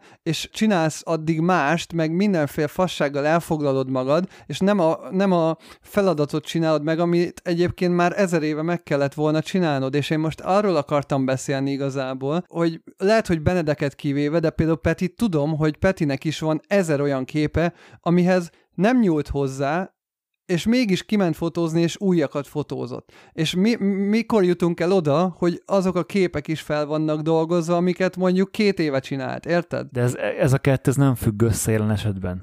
Tehát ezt, amit én kértem tőletek, ezt nem azért, tehát ezt, hogyha ennek úgy állsz neki, amit az előbb elmondtam egyébként, hogyha ezt feladatként fogod föl, akkor, akkor tényleg ne csináld, mert nem az volt a lényege. Ez egy pihenés szándékú fe- kikapcsolódás volt. Tehát ezt, ezt a, az, hogy menj ki fotózni és fotóz magadnak, az ugyanolyan, ugy, azzal az, egy, tehát azzal az agyi síkkal egyen, egyenértékű, hogy menj el moziba. Tehát ez egy kikapcsolódás lett volna abból a, abból a tevékenységkörből, hogy teszel a dolgaidért. Mert nem tudsz 0-24 tenni azért, hogy tiszta legyen az archívumod, hogy fel legyenek dolgozva a képeid, mert be belehűlsz. Akkor átfogalmazom, nem éreztem, hogy ez most bármit hozzáadna a mindsetemhez, életemhez, stb., és nem akartam vele foglalkozni, mert, mert volt más dolgom, mivel akartam. És igazából pont e- erről akartam beszélgetni igazából, vagy ezt, ezt, ezt akartam áthozni témának, hogy a fókuszáltságot ezt viszont akkor azt így e- erősen határoljuk el ezt a kettőt, mert hogy ez a feladat, még egyszer, amit, ami neked nem jött át, Petinek átjött, meg, meg ugye elmondtam, hogy én ezt hogy szántam, tehát ez pont a kikapcsolódás rész lett volna a dolognak. Tehát ezt most felejts, itt zárjuk le ezt az egész blokkot, és akkor most beszélgessünk arról, hogy hogy lehet szünetet tartani a munkában. Oké, okay, arról, arról, akar, arról akartál beszélgetni, Igen, ugye? arról akartam beszélgetni, hogy én úgy élem meg például, hogy nagyon nehéz szünetet tartani akkor, hogyha rohadt sokat tennivaló. Ugye van egy ilyen bizonyos flója a fotózásoknak, ugye van mindig bizonyos mennyiségű utómunkázni való, meg bizonyos mennyiségű új lehetőség, amire lehet igent meg nemet mondani, és nyilván, hogyha igent mondasz, akkor előbb-utóbb az utómunkázandó anyagok is elkészülnek, de hogy folyamatosan érkezik be az újabb és újabb, és akkor nem tudom, mindig 5-6 anyag akár várakozik a, a, a vinyón. És én most szeretnék ugye oda eljutni, hogy, hogy nullán legyek, és teljesen tiszta fejjel menjek mondjuk bele a 2023-ba, és teljesen lezárjak minden korábbi dolgot, és ne legyen az, hogy egy olyan ritmusba vagyok beragadva, hogy, hogy nem tudom két fotózás között átgondolni sem, hogy mit csinálok. És ahhoz, hogy át tudjam gondolni, hogy mi a következő lépés, ahhoz muszáj egy ilyen teljesen tiszta szünetet tartani, úgy érzem. Miért, miért muszáj? Hát azért, mert jelenleg a korábbi fotóimon gondolkozok, nem a következőn. Mert ugye még a mostani fotóimmal foglalkozom, amik a terítéken vannak. De várjál, de most, hogyha neked bejön egy munkád, most elmondom, hogy a bufferben van mondjuk. De most saját projektről beszélek, nem munkáról. Jó, akkor viszont az előző példa, vagy az előző beszélgetésből kiderült, hogy a saját fotókat sem feltétlen tudod nem projektként felfogni, mert akkor kimentél volna fotózni. Tehát mondjuk tekintsük azt is projektként, amin gondolkozni kell, te vagy a megrendelő. Hogyha most meg fölkér téged valaki, hogy menjen neki fotózni, és mondjuk egy koncepciót is kell vinni, mit mondjuk a boros fotózás volt. Gondolom előtte is voltak melóid, meg esküvőid, retusálni valód, ott is volt a vinyón három-négy meló, amit, amit közben fel kell dolgozni, mégis elkészült az a boros fotózás, mégis volt az a boros fotózás. Szerinted mi szabja annak a gátját, hogy úgy tudja elkezdeni dolgozni akár egy saját projekten, hogy közben még van a vinyódon négy retusálni való dolog, és nem arra várni, hogy ugye kiürüljön az egész merevelemezed, meg az egész backlogod, ami ugye no, ez én, az én felfogásom szerint ide esetben meg se történik soha. Hát igen, ez az, hogy még nem történt meg sose, és ezt akarom kipróbálni. Mert ugye akkor az azt jelenti, hogy mondjuk két hónapig nem volt egy darab melót se, vagy három. Ezt akarom kipróbálni. És időallokációval megoldani azt, hogy tehát, hogy dedikálni blokkokat a napodból, hetedből, hónapokból, hogy mikor foglalkozol azzal. Na, és teljesen más mindset ugye a kettő. De miért más mindset a kettő szerint? Hát egy esküvő, meg egy saját projekt, rohadt ne, ne, ne, más nem, mindset. Nem, nem, nem, az, nem érted akkor. Tehát, mondjuk azt ezt mondom, kérdezted, mi gátolja a saját projektek elkészülését, amikor esküvőfotózás van? Hát azért, mert az esküvőfotózás tök más mindset, és akkor azzal kell foglalkozni. De hogyha te azt, tehát hogyha úgy ezt a blokkot, vagy ezt az üres előtt, ezt úgy határozod meg magadnak, hogy hétfők egyszerű csütörtökön biznisz van, péntek, szombat, vasárnap saját projekt. Szigorúan. Az, az, az miben más, mint hogy kiüríted a backlogodat, és mondjuk van egy, egy, egy teljes üres hónap. Nem biztos, hogy más, még ez se, ez, ez se rossz, nem biztos, hogy más. Na például a Marketing Monday-t, ezt nagyon régóta Igen. szeretném bevezetni, és amikor ezt elhatároztam, akkor mindig valahogy úgy jött ki, hogy hétfőn volt valami rohadtul halaszhatatlan más dolgom. Na hát ez az. És nem, és, és nem tudtam máskorra tenni. Tehát ha bejön hétfőre egy százezeres meló, akkor, akkor hétfőn van egy százezeres meló, most ha arra nemet mondok, akkor egész héten nem kerestem egy fillért sem mondjuk, mert a, mert, mert a, mert a kedre, szerdán, csütörtökre, péntekre nem jött be az a százezeres meló, most csak hát egy, tényleg egy buta példa. Tehát szabadúszóként szerintem ez egy nagyon nagy kihívás, mint ahogy a Kihívás, pénzzel... azért ez sokaknak működik. Nem. Szerintem nem ez... benne, de soka, a legtöbbeknek pont nem működik, erről akartam beszélni. Szerintem ez sokkal keves, igen, sokkal kevesebb embernek működik, mint akinek igen. Csabával mi a Hello Petiben is sokat beszélgettünk erről, meg hát nyilván azóta is privátban. Ő adott nekem nagyon, nagyon sokszor adott nekem pénzügyi tanácsokat, ő sokkal tudatosabb nálam, és, és racionálisabb gondolkodó ilyen téren, meg nyilván ő havi szinten kapja a fizetését. Egyébként most már én is, tehát hogy én beállítottam, tehát csináltam magamnak egy fiktív fizetést, amihez, amit próbálok be, beosztani, nagyon nehéz, de most a fél éve ez van, de elképesztő nagy különbség a korábbi összevisszasághoz képest, tehát sokkal tudatosabban költök, kevesebbet költök, vannak megtakarít, sokkal jelentősebb megtakarításaim elképesztő. Na, nem hittem volna, hogy ez ennyit számít. Tényleg nem, tök durva, és ezt akartam Gábornak mondani, hogy ez a mondat, én nagyon szeretem ezt a mondatot, ezért mondtam el már sokszor podcastben, és említem most is, ha olyasmire vágysz, amit még nem kaptál meg, akkor olyat kell csinálnod, amit még nem csináltál.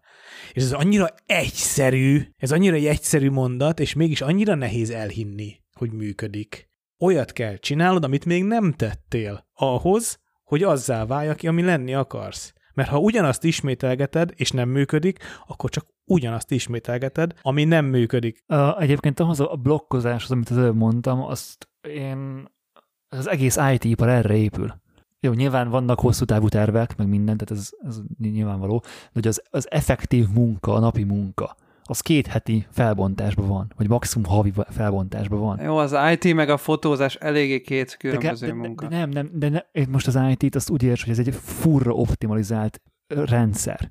Tehát, az, tehát azt a rendszert, amit mi azt csinálnunk, azt az életnek a nagyon-nagyon sok réte, rétegére, nagyon-nagyon sok munkatípusra rá lehetne húzni, vagy ráigazítani, inkább úgy mondom. És mi- miért nincs akkor a na- munkák nagy részére ráhúzva? Mert lusták az emberek, és bele vannak abba, amit a Peti mond, nem, nem hát, csinál... Vagy nincs hozzá resource. Nem csináltak még olyat, amit, amit, amit, ö, amit még nem csináltak, és csak amit, mond, amit neked mondtam, hogy nyilván, hogyha van egy százezes meló hétfőn, akkor ne tarts hétfőn marketing mandate. De mondjuk, hogyha az utómunkádra gondolsz csak, akkor azt fel tudod úgy osztani, hogy hétköznap vagy péntek, és csütörtökig ö, fizetős melóutó munka van, szombat, vasárnap, pénteken meg saját munkameló van, vagy amit, amit akarsz. És hogy, jó.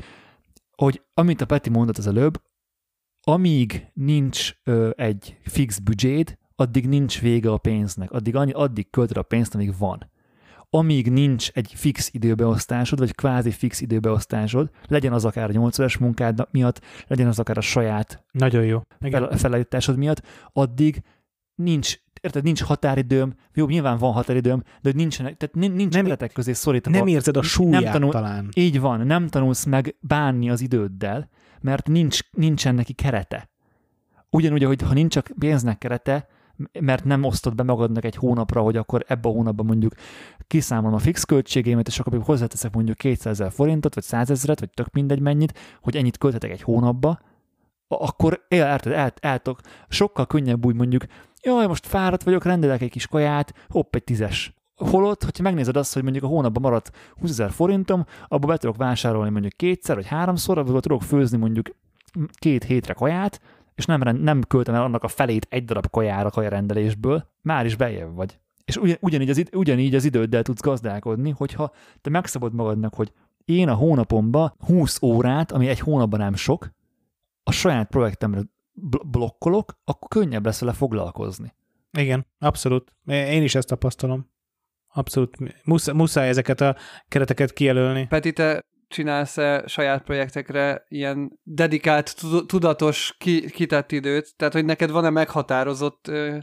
Ki... Nem, nincs, de nem is abban akartam az elmúlt években fejlődni. Tehát én a, én a projekteket mindig is spontán módon csináltam, és én szeretem spontán mód csinálni. Én nagyon szerettem mindig is tesztkamerákat kölcsönkapni, nagyon, nagyon szerettem azt, amikor a Fujitól fölhív Máté, hogy figyelj, itt van egy T 4-5-6 tökön bármi H 4-9, és vidd el, egy hétvégére pont most pont oda tudom adni, mert lemondták, csinálj vele valamit. Én ezeket mindig imádtam, és mindig, ezeket én mindig örömmel vettem, és nem úgy tekintettem rá, ahogy te is, mert sokszor volt, hogy mondtam, hogy gyere már föl Pestre, csináljuk meg együtt az X100 valamivel a valamit, és mondtad, hogy nem lehet Peti, mert akkor megint csak nő az utómunka, gyakorlatilag ezt mondod régóta. És én, hát meg, én ezt meg ne, jó. de, hát ne viccelj, de. És, és én, én ezt abszolút nem ezt látom benne, azt látom benne, hogy megismertek egy új embert, mert akkor hirtelen kell modellt szerezni, megismertek egy új városrészt, ahol még nem jártam, ö, szembenéztek egy olyan kihívással, amivel még nem néztem szembe. Én ezt látom benne, és ezt én spontán módon csinálom. Nekem a pénzügyi tudatosság volt az elmúlt 5-6 év nagy kihívása, és bár nem vagyok babonás, lekopogom, most azt érzem magamon, hogy, hogy, hogy egy olyan útra kerültem ebben a témában, ami, amit már, amiben már jól érzem magam. Csabának volt egy nagyon, nagyon jó, nagyon egyszerű, nagyon jó ötlete, hogy ne nulla és egy millió között igyekezzek lenni, hanem egy millió és két millió között. És ez egy nagyon egyszerű megközelítés, ez egy baromi, hát ugyan, ugyanaz, gyakorlatilag ugyanazt a pénzügyi hozzáállást igényli nulla és egy millió között lenni, mint egy és két millió között lenni, csak el kell oda jutni és hogyha már egyszer oda eljutsz, és kitűzött célként, hogy ne a pár 10, 50, 60, 70 ezer forint legyen a számládon a minimum, és akkor amikor meg bejönnek a pénzek, akkor meg 1, 1 millió, 1 millió, 2, 1 millió, 3, mert ugye tudjuk, hogy így megy a rohadt szabadúszásba, hogy egyszer csak így bedől a sok pénz, és akkor oszd már be, legyél már okos, hogy nem veszed meg a nagy objektívet, meg, meg ne vegyél magadnak szép ruhákat, meg a, a rengeteg pénz ott a számlán, nagyon nehéz átlátni, nagyon nehéz tudatosan beosztani, én nekem már nagyon sokáig ez nem is sikerült. Hiába kerestem jól évekig, nem tudtam igazán megtakarítani. és most, hogy már nem keresek olyan jól, de sokkal tudatosabb vagyok, mégis van megtakarításom. És az idővel ugyanúgy meg lehet csinálni. Nem, nem feltétlenül a sok idő kell ahhoz, hogy jó dolgokat csinál az ember, hanem nagyon jól kell tudni beosztani az időt, és ez egyébként nagyon nehéz. Egyébként ezt nagyon sok uh, szabadúszónál, fotósnál látom, tehát nem csak, nem csak ti vagytok erre a példa. Persze, biztos, gyak, gyakorlatilag az összes fotós ismerősöm ebbe szenved. Persze, hogy... Hogy szabadúsz a fotós, és akkor egész délőtt fekszik otthon, aztán nem tudom, mit csinál, bármit. Nehéz is egyébként, mert pihenni is kell. Na ez az. Igen, de hogy tudod, tehát hogy könnyű azt mondani, hogy akkor jaj, most még egy órát még tiktokozok, majd aztán megcsinálom, Jó, és akkor fönn vagy hajnali. De nem van ilyen, Gábor, hidd, hogy te is csinálod. Mindenki csinálja ezt. És hogy, hogy így, na, hogy nincs rendszer az életedben a napjaidban, akkor nem, akkor nem tudsz tervezni. És itt ez a, ezen van a hangsúly. És hogy amíg óriási csánkokba tervezel, hogy akkor most kiütök két hónapot, nem fogsz soha kiütni két hónapot. Mert ez egy beláthatatlan feladat. Az, hogy ki tudj ütni heti szinten négy órát, az egy első lépés. Egyébként visszatérve a Peti, amit mondtál, hogy mondjuk bizonyos dolgokra nemet mondok, nagyon sok mindenre igen mondok, de pont ez a lényeg, hogy amit mondtál, hogy te neked mondjuk pénzügyileg kellett fejlődni, én meg pont ebben, vagy abban éreztem, hogy nekem meg abba kellett fejlődni, hogy tudjak nemet mondani. Mert kurva sok embernek, kurva sok kis minden szarára mindig igent mondtam. Jó, simán lehet, hogy én akkor találtalak meg már, amikor pont a nemet mondást gyakoroltad, és én... És lehet, hogy öt embernek, öt embernek igent mondtam előtte, és a hatodik igen már nem fért bele.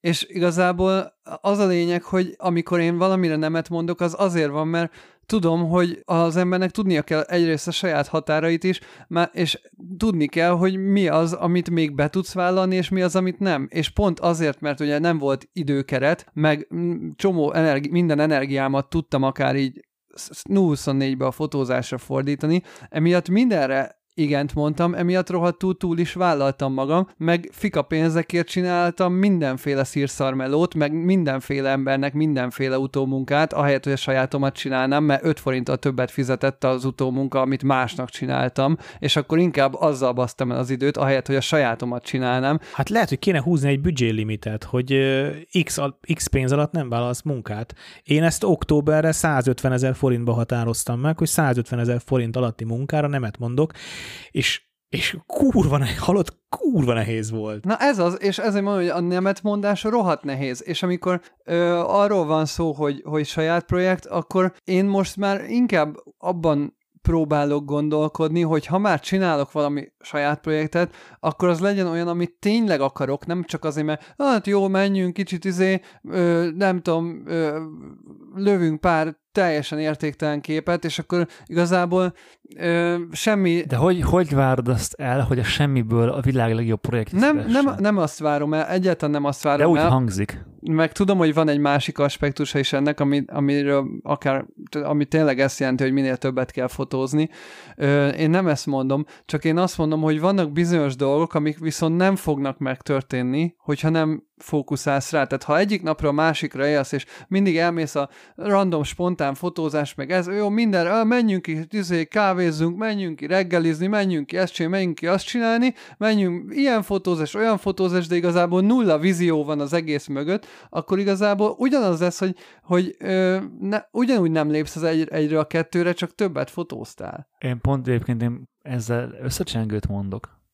Tehát, hogy ez, amit én, ez a blokk, tehát az, hogy beosztod rendesen az idődet, meg felkészülsz, vagy nem felkészülsz, hanem tehát tudatosan menedzseled az időbeosztásodat, az, az ehhez is hozzátartozik. És amikor én azt mondom, hogy nem megyek fel Pestre fotózni ö, random erdőt, akkor az nem azért van, mert nincs kedvem, hanem azért van, mert éppen nincs időm, mert 50 dolgot meg kell csinálni.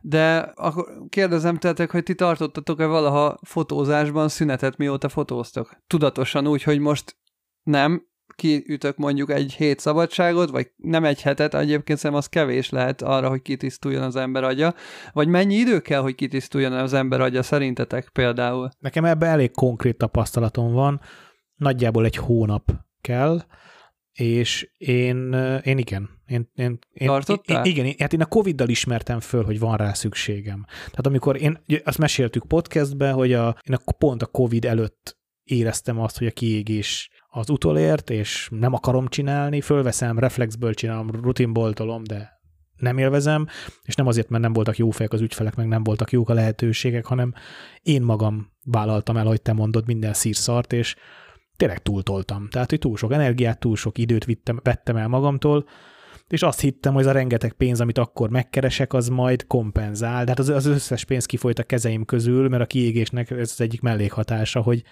hogy kompenzál utána az ember, kompenzáltam, nem éreztem magam jól, ezért folyamatosan próbáltam magam jutalmazni különböző eszközökkel, jókajákkal, akár technikai, technológiai, technikai eszközökkel, ruhákkal, mit tudom én. És nekem a Covid hozta meg az, az, az a pihenés élményét, és akkor ismertem fel, hogy basszus, ez kurva jó, mert ahogy a pihenek, akkor kreatívabbá tudok válni, el tudom kezdeni újra szeretni, hiányozni, vagy hiányolni, kívánni a fotózást, és hát szerencsére utána egy nagyon termékeny időszak jött, és most... De neked is a saját most, projekt az nem de volt most, sok. Nekem a saját projekt, szóval én azért sok mindent csinálok. Tehát neked a termékeny időszak abból jött, hogy a Covid után jöttek a melók, nem? Én erről akartam is beszélni, majd egyszer lehet, hogy beszélhetünk róla, hogy, hogy hogy én nekem nem csak a fotózás van. Tehát nagyon sokszor, amikor például beszélgetünk a podcast témaválasztásról, hogy én vajon mivel foglalok, én, én a hétköznapokban amikor nem fotózom, én nem csak a fotózás csinálom. Tehát egy csomó minden más érdekel a világban. Most csak gondolj bele abba, hogy az, az hogy kutyám van, azért napig másfél-két óra elmegy úgy, hogy ezt úgy vond le, vond le nyugodtan a 24-ből azt a másfelet, mert az a kutyáé. És akkor még van az autó, ami nem egy, ugye most nem úgy az autó, hogy hogy autó, mint hobbi, hanem hogy ez a, ez a camping dolog, hogy én azt tervezem, adnak is researcholom, csinálom, meg hogy konkrétan barkácsolom a kocsit, meg más, meg vannak más, ugye jogáztam sokáig, vagy éppen mountain bike-ozom, ha olyan van, most megcsináltam megint a biciklimet, mert elromlott, most megint van, hogy bringám valamikor keresem rá az időt, hogy elmenjek, hogy válaszoljak a kérdésre is. Igen, én például most októbertől pihenő időszak, tudatosan választott időszak, pihenő időszakban vagyok. Nyilván azért is van, hogy el tudjak indulni, de, de közben pihenni is vágytam. Egyébként nagyon érdekes ez a, ez a hármasunk ilyen szempontból is, hogy Peti te a fotózást használod munkának szigorúan, és minden más hobbi tevékenységed az jellemzően kívül esik a fotózás témakörén, nagy ritkán van, amikor benne van, de hogy én azt tapasztaltam veled kapcsolatban, hogy amikor te fotózni csak munkából fotózol. Hát szintén. Ügyfél, ügy, ügyfél, legtöbbször. 90 legtöbbször. Nyilván, nyilván mondjuk 90 százalékban, igen, de nagy igen, részt. igen, 90 százalékban, igen. Ö, nálam ez pont fordítva van, igen. hogy én csak úgy fotózok, hogy magamnak fotózok, és amikor dolgozok, akkor nem fotózok. Tehát nekem a, a meló az nem nem áll fotózásból egyáltalán szint. És amikor megbízásból fotózol, akkor se pénzért, mert akkor csak valaki ismer, és megkér, hogy csinálj neki hát egy igen, képet. de az, az nekem... Az, hát ugyanaz, az is megbízás. Az, az, igen, de hogy az, az olyan, mint hogy te is felfotózod a gyerekedet, aztán közben, mind, hogy a valami unokaöcsémet, igen. Igen. És a Gábor, meg a harmadik, aki ennek az összetett, tehát hogy, na várjál, még egy gondolatot ehhoz hozzáfűzök, hogy az önkifejezés eszköze az a hobbiban nekem a fotó, neked a minden más kutya, kempingautó, stb. stb. A Gábornál a fotó a munka is, meg a fotó az önkifejezés, a hobbi is.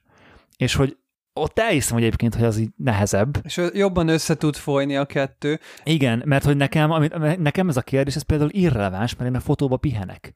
Tehát, hogy én, én, én ott tartok szünetet. Na ez az, és amikor én elmondtam az előbb, hogy ö, én azt miért nem pihenésként élem meg, és, és még ehhez hozzátartozik az, amit arra reflektálva, hogy amit az előbb Peti mondott, hogy nem ugyanazt kell csinálni, hogyha más eredményt akarsz. Én pont ezt gondol, ez tök jó, hogy mondtad, mert pont ez jutott eszembe nekem is, és ezt gondoltam át ebben a két hétben, hogy az, amit mondjuk én 2023-tól mondjuk szeretnék csinálni, ahhoz most nem fog hozzá segíteni, hogyha kimegyek úgy fotózni, ahogy 10 éve is kimentem fotózni, mert egyébként 10 éve, amikor mondjuk, vagy 15 éve, amikor elkezdtem fotózni, pont ugyanazt csinálta az ember, kiment az utcára, kereste a random témákat, csak éppen lehet, hogy műanyag 51.8 volt a kamerám végén, most meg mondjuk egy Sigma 51.4 van. És pont ugyanazt csinálom. És pont ezért nem akartam ugyanazt csinálni, meg ugyanazt a jó van, keresem a témát az utcán, a, a nagy büdös semmit.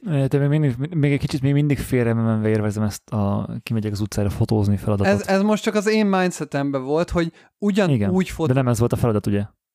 Jó, értem. Mindegy, menjünk tovább. Mindegy. Menjünk tovább. Hát, hogy, hogy ugyanazt csinálni, azzal nem leszek előrébb, és pont ez volt a lényeg, hogy ez a, volt a tudatos állapot, amikor nem azért nem mentem ki, mert valami gát van bennem, vagy, vagy nincsen inspiráció, mert rohadtul szerettem volna mondjuk kimenni, csak beláttam azt, éreztem azt, hogy most másra kell koncentrálnom ahhoz, hogy, hogy elérjem azt, amit szeretnék, és nem ugyanazt a lépés, ugyanazt a típusú fotózást kell csinálnom, amit mondjuk két hónapja is kimentem érted az X100V-vel fotózni, hanem most más kell, és direkt nem akartam ugyanazt a lépést, ugyanazt a típusú dolgot csinálni, mert érzem, hogy valamin változtatni kell, és ez az egyik része a változtatásnak, hogy nem akarok random fotózni, hanem tudatosabban akarok fotózni, és ahhoz, hogy tudatosabban tudja fotózni, ahhoz ugye kell egy pici szünet, meg kell egy kicsi tudatomnak a kitisztítása, hogy hogy, hogy ö, tudja kicsit gondolkodni azon, hogy mit is akarok egyáltalán fotózni. És nem úgy működik, hogy akkor kimegyek, azt majd megfotózom, amit meglátok, hanem én szeretnék gondolkodni rajta, hogy mit fotózok. Részben, igaz, részben ennyit értek veled, részben meg nagyon nem. Ö, mert tehát, hogy szerint, tehát még, amit ezt már egyszer mondtam az előbb, hogy anélkül nem lesz, nem lesz projekt, hogy ne, csinál, ne, ne fotóznál. Tehát szerintem, szerintem úgy nem lehet egy kreatív főleg egy, egy olyan kreatív ö, projektet végigvinni, ami, ami, amiben bele akarod tenni a gondolatiságodat, meg a te meglátás, vagy a művészi látásmódot, hogy azt ne ö, gyakorolná többször. Tehát nem fog úgy egy életműkép készülni, hogy, vagy, vagy egy, egy antológia készülni, hogy kimész kétszer, és megvan a projekt mert hogy annak nem adsz időt, nem adsz hibázási lehetőséget, nem adsz magadnak próbál, próbálkozást, útkeresést, stb. stb., akkor nem lesz projekt.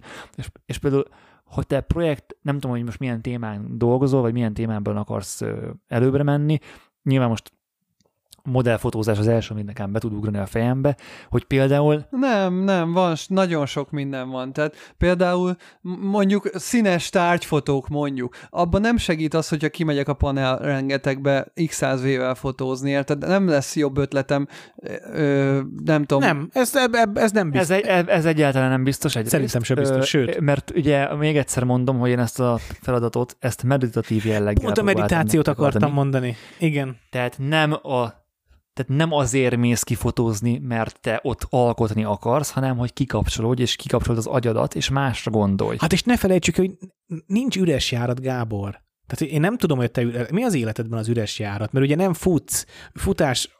Fú, hát most az, hogy nem futok, az... az...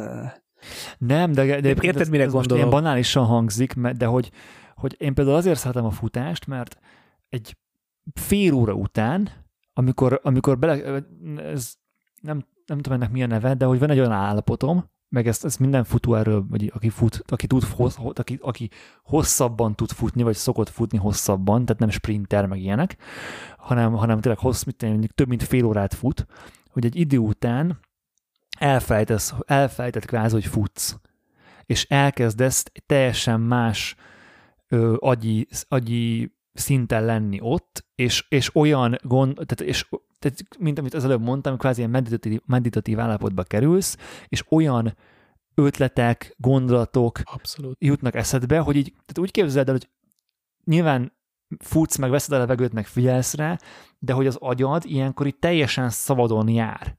És hogy nem, nincsenek igazándiból irányítva a gondolataid, egyik gondolat foszlányról ugrik a másikra, és nagyon sokszor el lehet oda jutni, hogy egy új ötlettel mész haza a futás. Ezt ismerem, ezt és... az érzést, meg tudom, miről beszélsz, meg ö, ö, nekem régen, amikor például ö, még nagyon-nagyon régen ilyen hosszú, nagyon hosszú távokat ugye úsztam, akkor ugyanez volt, meg én bringázni szoktam így elmenni. Tehát én is... Na, simán, de hát akkor ismered is, a dolgot. Ezt mondom, meg persze, és, és amit Peti kérdezett, igen, nyilván nekem is van olyan, amikor nem a fotózással foglalkozom, és ö, van üres járat, de pont em, emiatt nem feltétlenül fotózni megyek ki, kikapcsolódni akkor. Jó, csak előbb a filmet említetted szórakozásként, most a filmmel, meg a podcasttel, mert én magamon azt vettem észre, csak ne rólad beszéljek, hogy nagyon sok tartalmat kezdtem el fogyasztani az elmúlt egy évben.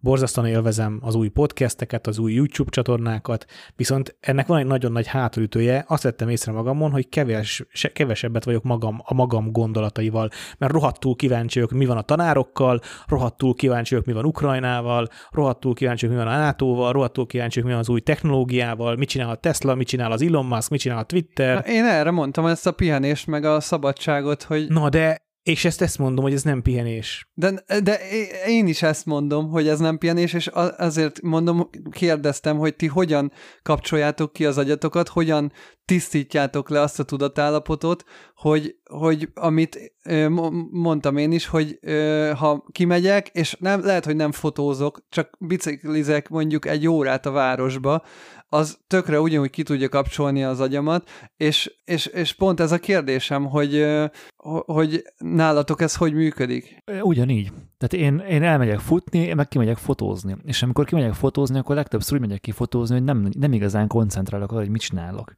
Tehát nem, nem, nem figyelek arra, hogy merre megyek, mit, érted, nem, nem annyira érdekel a téma, ö, hanem, hanem próbálom abba, abba a tudatállapotba tenni magamat, mint mondjuk a fut, futás közben is, hogy nyilván, tehát nyilván me, tehát ott komponálod a képeket, meg a képet alkotsz, meg minden, de hogy, hogy nem azon gondolkozol, hogy ott, abban az, abban az adott pillanatban mit csinálsz, meg hogy vagy, hanem próbálsz felülni egy flóra, és mondjuk hazafele séta közben, amikor már elretted a gépet, és mondjuk és, és összesíted a, az, az ott átélteket, lehet az adja Persze. meg a szikrát egy következő gondolatnak, és én, én, én, ezt, én, én ezt abszolút a fotózás használom erre. És hogy tehát amikor én kimegyek fotózni, akkor jellemzően én soha nem projekthez megyek ki fotózni. Na, nagyon ritkán mm, van az, hogy értem. na most akkor kimegyek fotózni projekthez. Nyilván tudom irányítani azt, hogy ö, milyen, idő, milyen időben megyek ki, napszakban, időjárási körülmények között, stb. stb. hova megyek ki fotózni, ö, ilyenek, de hogy inkább a, a hang, tehát hogy a, próbálom megteremteni azokat a körülményeket, ami azt tudja majd eredményezni, hogy az egy olyan fotó elkészülhessen, ami mondjuk egy hosszabb távú projektbe beleír. Értem ezt, az amúgy jó.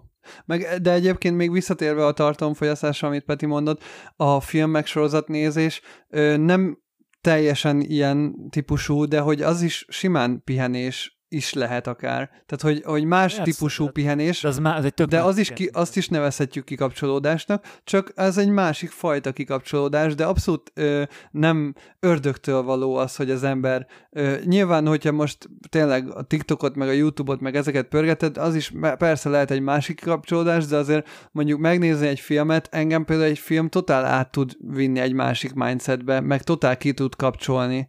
Engem is, csak nekem az a bajom, amit, és amit a Peti mondott, azt, azt nagyon egyet tudok érteni, hogy a filmek, sorozatok, zene, podcast, nekem ezzel az a bajom, hogy e, erre is szükség van, meg, meg szerintem fontos, főleg a film. Én is nézek filmeket ilyen... most, nehogy, nehogy úgy tűnjön, hogy én végigberítálom a napot. Igen, kicsit álszentnek tűnt a dolog. Ne, azért mondom, nem, nem úgy, nehogy.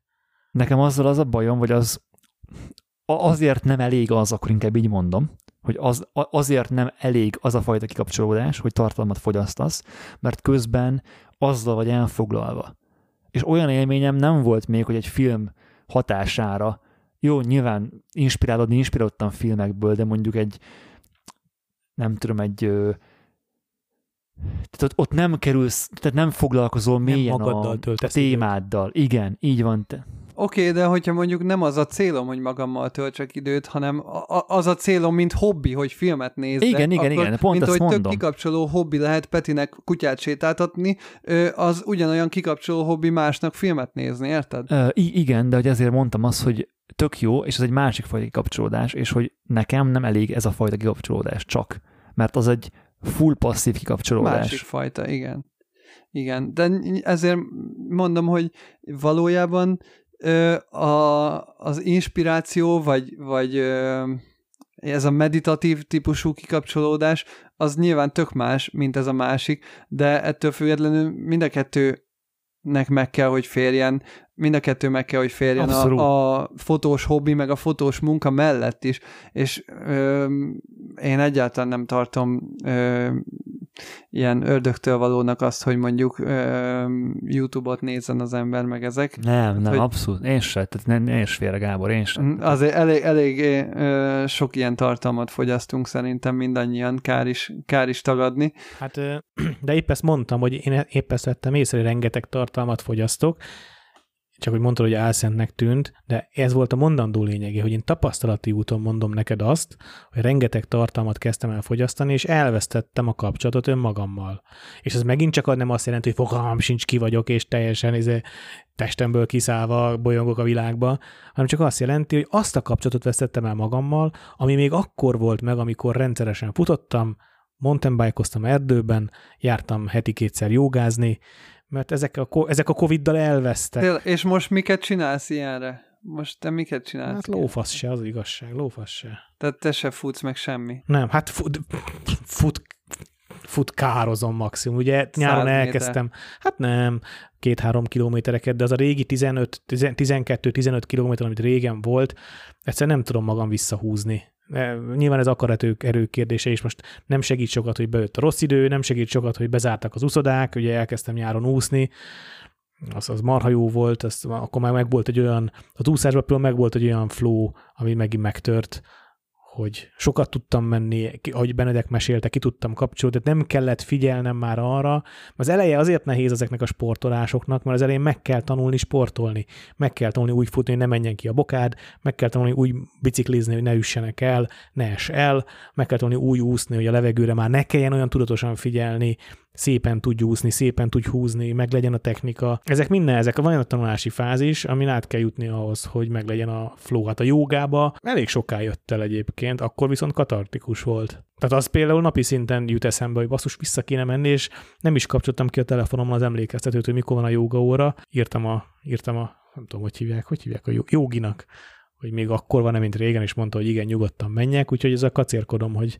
hogy lemegyek újra. És e, egyébként ez most tényleg visszatérve még így a, a fotózás mennyiségére, meg hogy hányszor megyünk ki fotózni, én ebben az évben sokkal többet fotóztam így ilyen gondolatiság nélkül, meg ahogy Benedek mondja, hogy csak magamnak x százója semmi, igazából kattingatok, és lehet, hogy rajta marad a memóriakártyán, és annyi mint, mint bármikor korábban, tehát hogy jelenleg sokkal, nagyon sok ilyen x 100 mappán van, meg sokkal több dátum. És, és érezted úgy, hogy érezted úgy, hogy ez bármilyen szinten közelebb vitt a, a, nem, a projektethez, vagy nem tudom, ugye? Nem, és pont ez az, hogy nem, ére, nem éreztem, viszont ö, ettől függetlenül bízok benne, hogy hosszú távon fog tudni segíteni, és pont ez, ez, ezt megmutatva, hogy igazából én tisztában vagyok azzal, hogy ki kell menni fotózni sokat, csak az, azt akartam korábban hangsúlyozni, hogy nyilván bizonyos dolgokra, meg bizonyos szinten nemeket, nemet is kell mondani,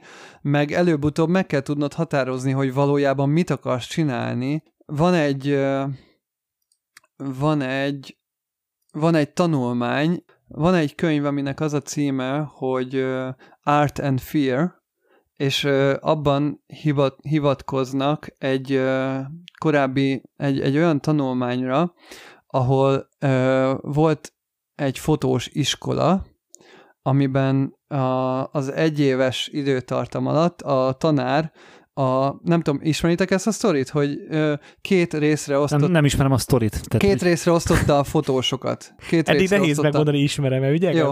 Tehát egy, egy éves időtartamban a tanár ö, a fotós csoportját két részre osztotta.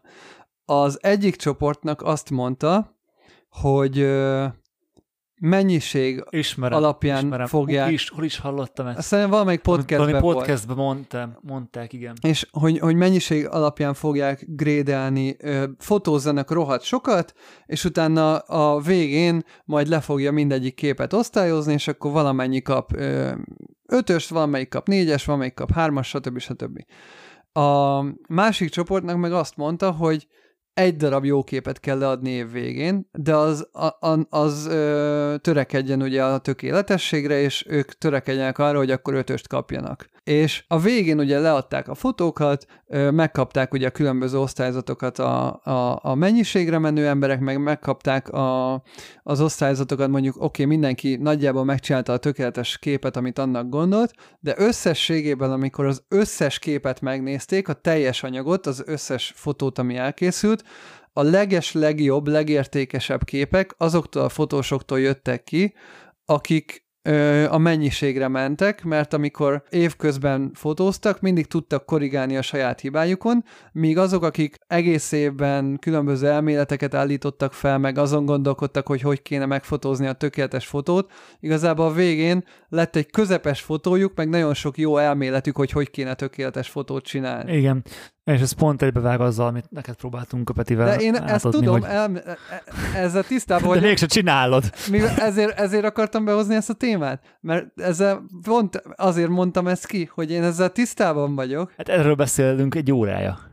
Igen. Hogy anélkül, hogy ne csinálnád, nem lesz. Igen, viszont én most ezért akarom megkérdezni azt a, vagy, vagy hogy hol van annak a, az egyensúlya, hogy, hogy mennyiség versus minőség, mert ugye lehet azt mondani, hogy rohadt sokat kimegyek az X100V-vel street fotózni, de az nem biztos, hogy fogja mondjuk a, a tárgyfotós koncepcióimat javítani. De Gábor, ki, ki akadályoz meg abban, hogy otthon ne tárgyfotóz? Az x 100 a kimenetel helyett. Szeretnék, amúgy van egy-két ötletem, amit itthon akarok megcsinálni, tehát, hogy van, vannak ilyen tervek. Na, tehát hogyha a feladat során, tehát amit most az előbb mondtam, hogy csináljátok saját képeket, vagy saját projektet, vagy nem, nem, nem, nem tudom, mi volt a, a házi feladat, hogy te most csináltál volna két tárgyfotót, tökre örültünk volna neki szerintem. Tehát, hogy itt ez a lényeg, hogy amit, és amit az előbb mondtam, és, és Petire reflektálva, én ebben akarok fejlődni a jövőben, hogy, mert én is észrevettem magamon, hogy nagyon el tudok lustulni és nem, nem foglalkozok, tehát hogy bennem van a vágy, hogy foglalkozzak a saját fotóimmal, a, a,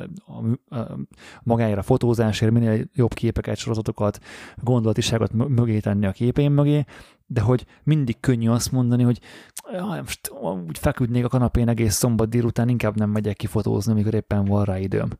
És hogy, hogy egyrészt hogy rávenni magamat, hogy kimenjek, és hogy amit az előbb mondtam, hogy minél több olyan fotózást megteremteni magamnak, amiben van esélyem arra, hogy olyat alkossak, ami belekerülhet a valahova. Hát igen, csak ilyen szempontból tényleg a hármunk nagyon-nagyon-nagyon különbözik, és ez, ez ami, ami mo- folyamatosan most engem elgondolkodtat, hogy oké, okay, hogy sok, sokat kimennék mondjuk fotózni. De, nem, de, de neked nem ki kell menni fotózni. És er, ezért mondtam azt, hogy nyilván olyan fotókat kell csinálni sokat, meg többet, amit szeretnél csinálni. Amit, amibe akarsz alkotni. Így van. Na most, amibe akarsz alkotni, ha azt nem tudod csak így spontán módon megcsinálni, akkor nyilván tehát, hogy érted, a, a kettő között... De miért ne tudnád? Hát én, no, tehát egyrészt én sem tudok kimenni spontán fotózni, mert nekem is egy időbeosztásom. Tehát nem állhatok föl délután kettőkor az íróasztalom mellől, és megyek ki fotózni négy órán keresztül. Sajnos. Nyilván mindenkinek megvannak a saját korlátai, nekem is meg kell találni a helyszínt, az időpontot, az időjárás, stb. stb. Neked meg kell találni, nem tudom, a terméket, a modellt, bármit, Ö, tehát ez, ez nem kifogás, hogy, hogy, hogy mindenkinek ugyanolyan nehéz elindulni fotózni. Ezt, ezt szerintem ez, ezt kijelenthetjük. Új akkor, hogyha értékes fotót akar készíteni az, az anyagához.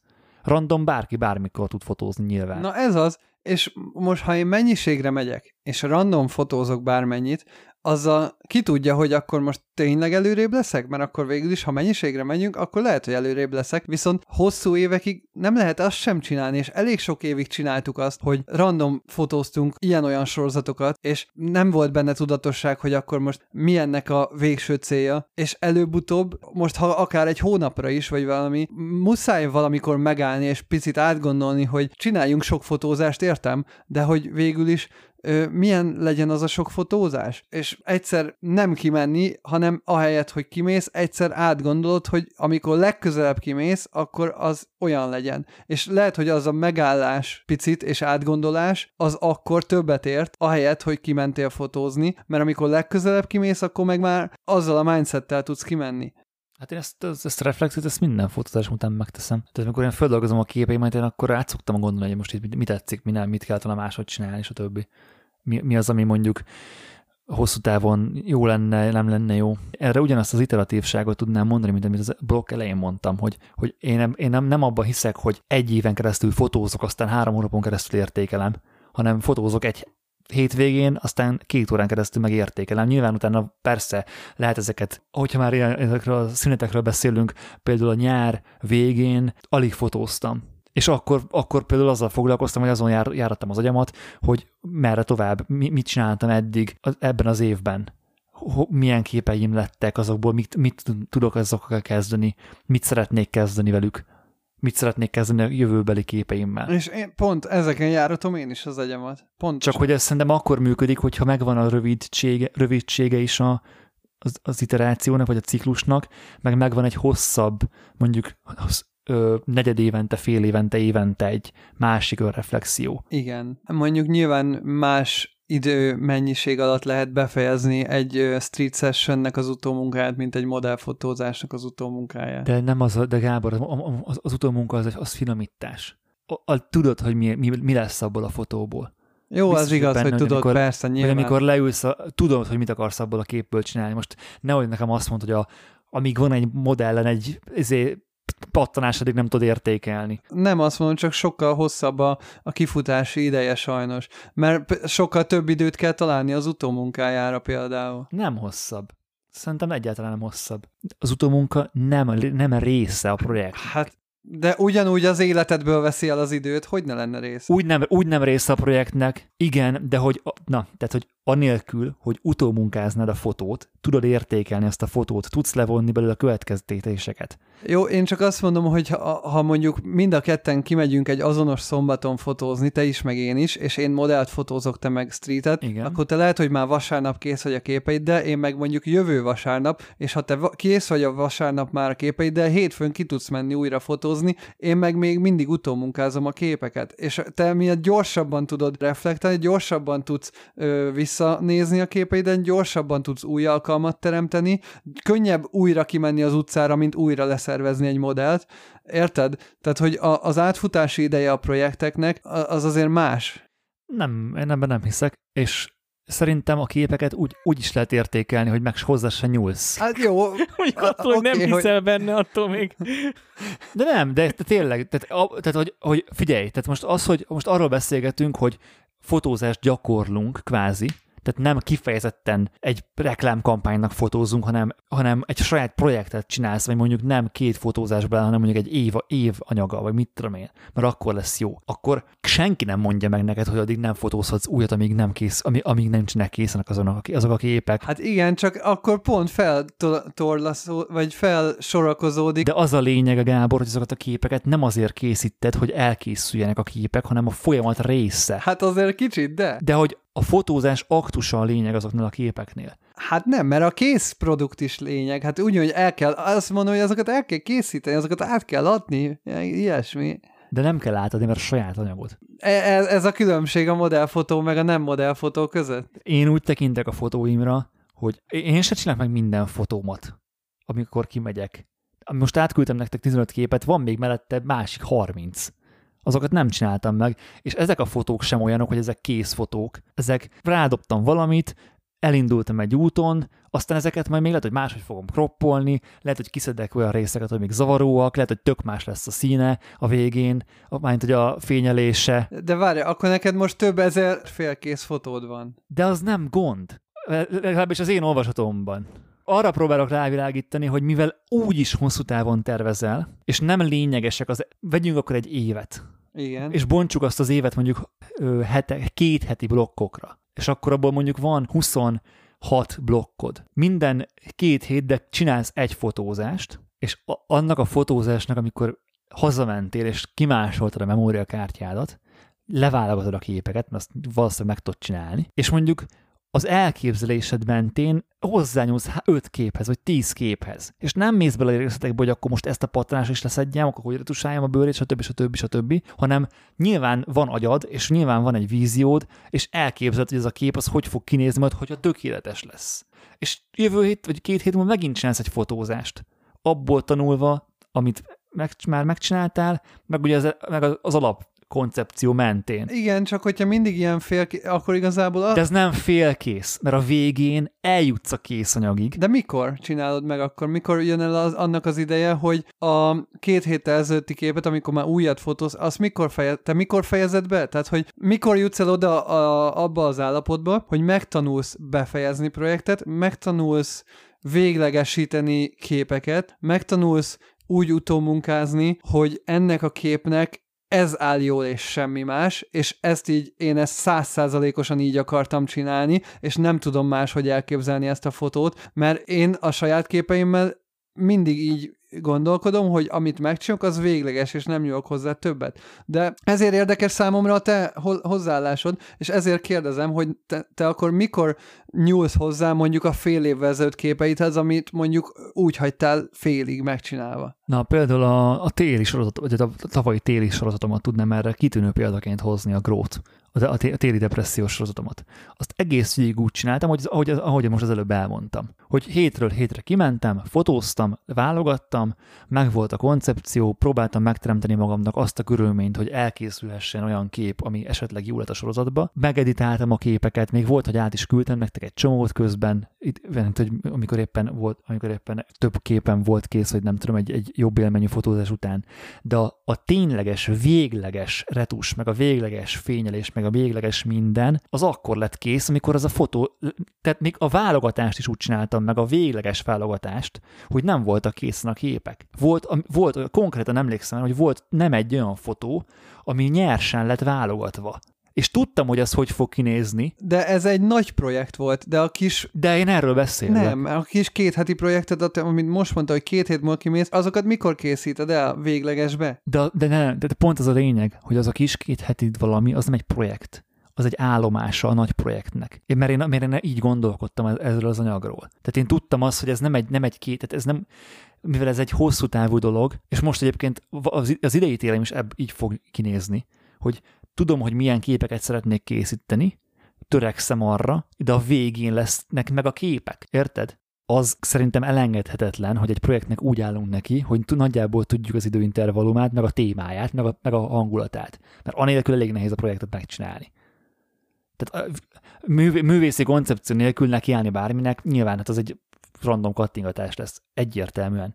De én nem erről beszéltem. Modellfotónál én nekem a projekt az ott zárul le, hogy a modellel csináltam egy sorozatot, egy projektet, egy koherens alkotást, ami abban ott lezárul. De akkor még kettő különböző dologról beszélt. És nem, nem az van, hogy minden héten hozzáfotózok a nagy projekthez hanem egy fotózás alatt csinálom meg, és emiatt muszáj rákészülnöm, hogy abban a három óra hosszában azok a képek készüljenek el, amiket én szeretnék a projektben, hogy benne legyenek. Igen, csak ez nekem megint olyan kicsit olyan szaga van ennek az egésznek, hogy a kvázi semmiből akarsz egy óriást csinálni.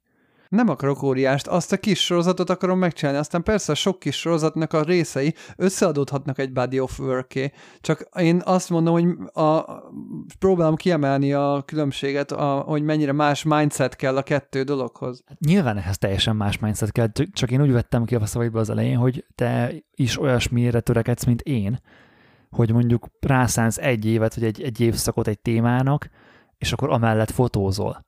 Mert hogy, mert hogy mondtad, hogy nem modellfotózol feltétlen. Érted?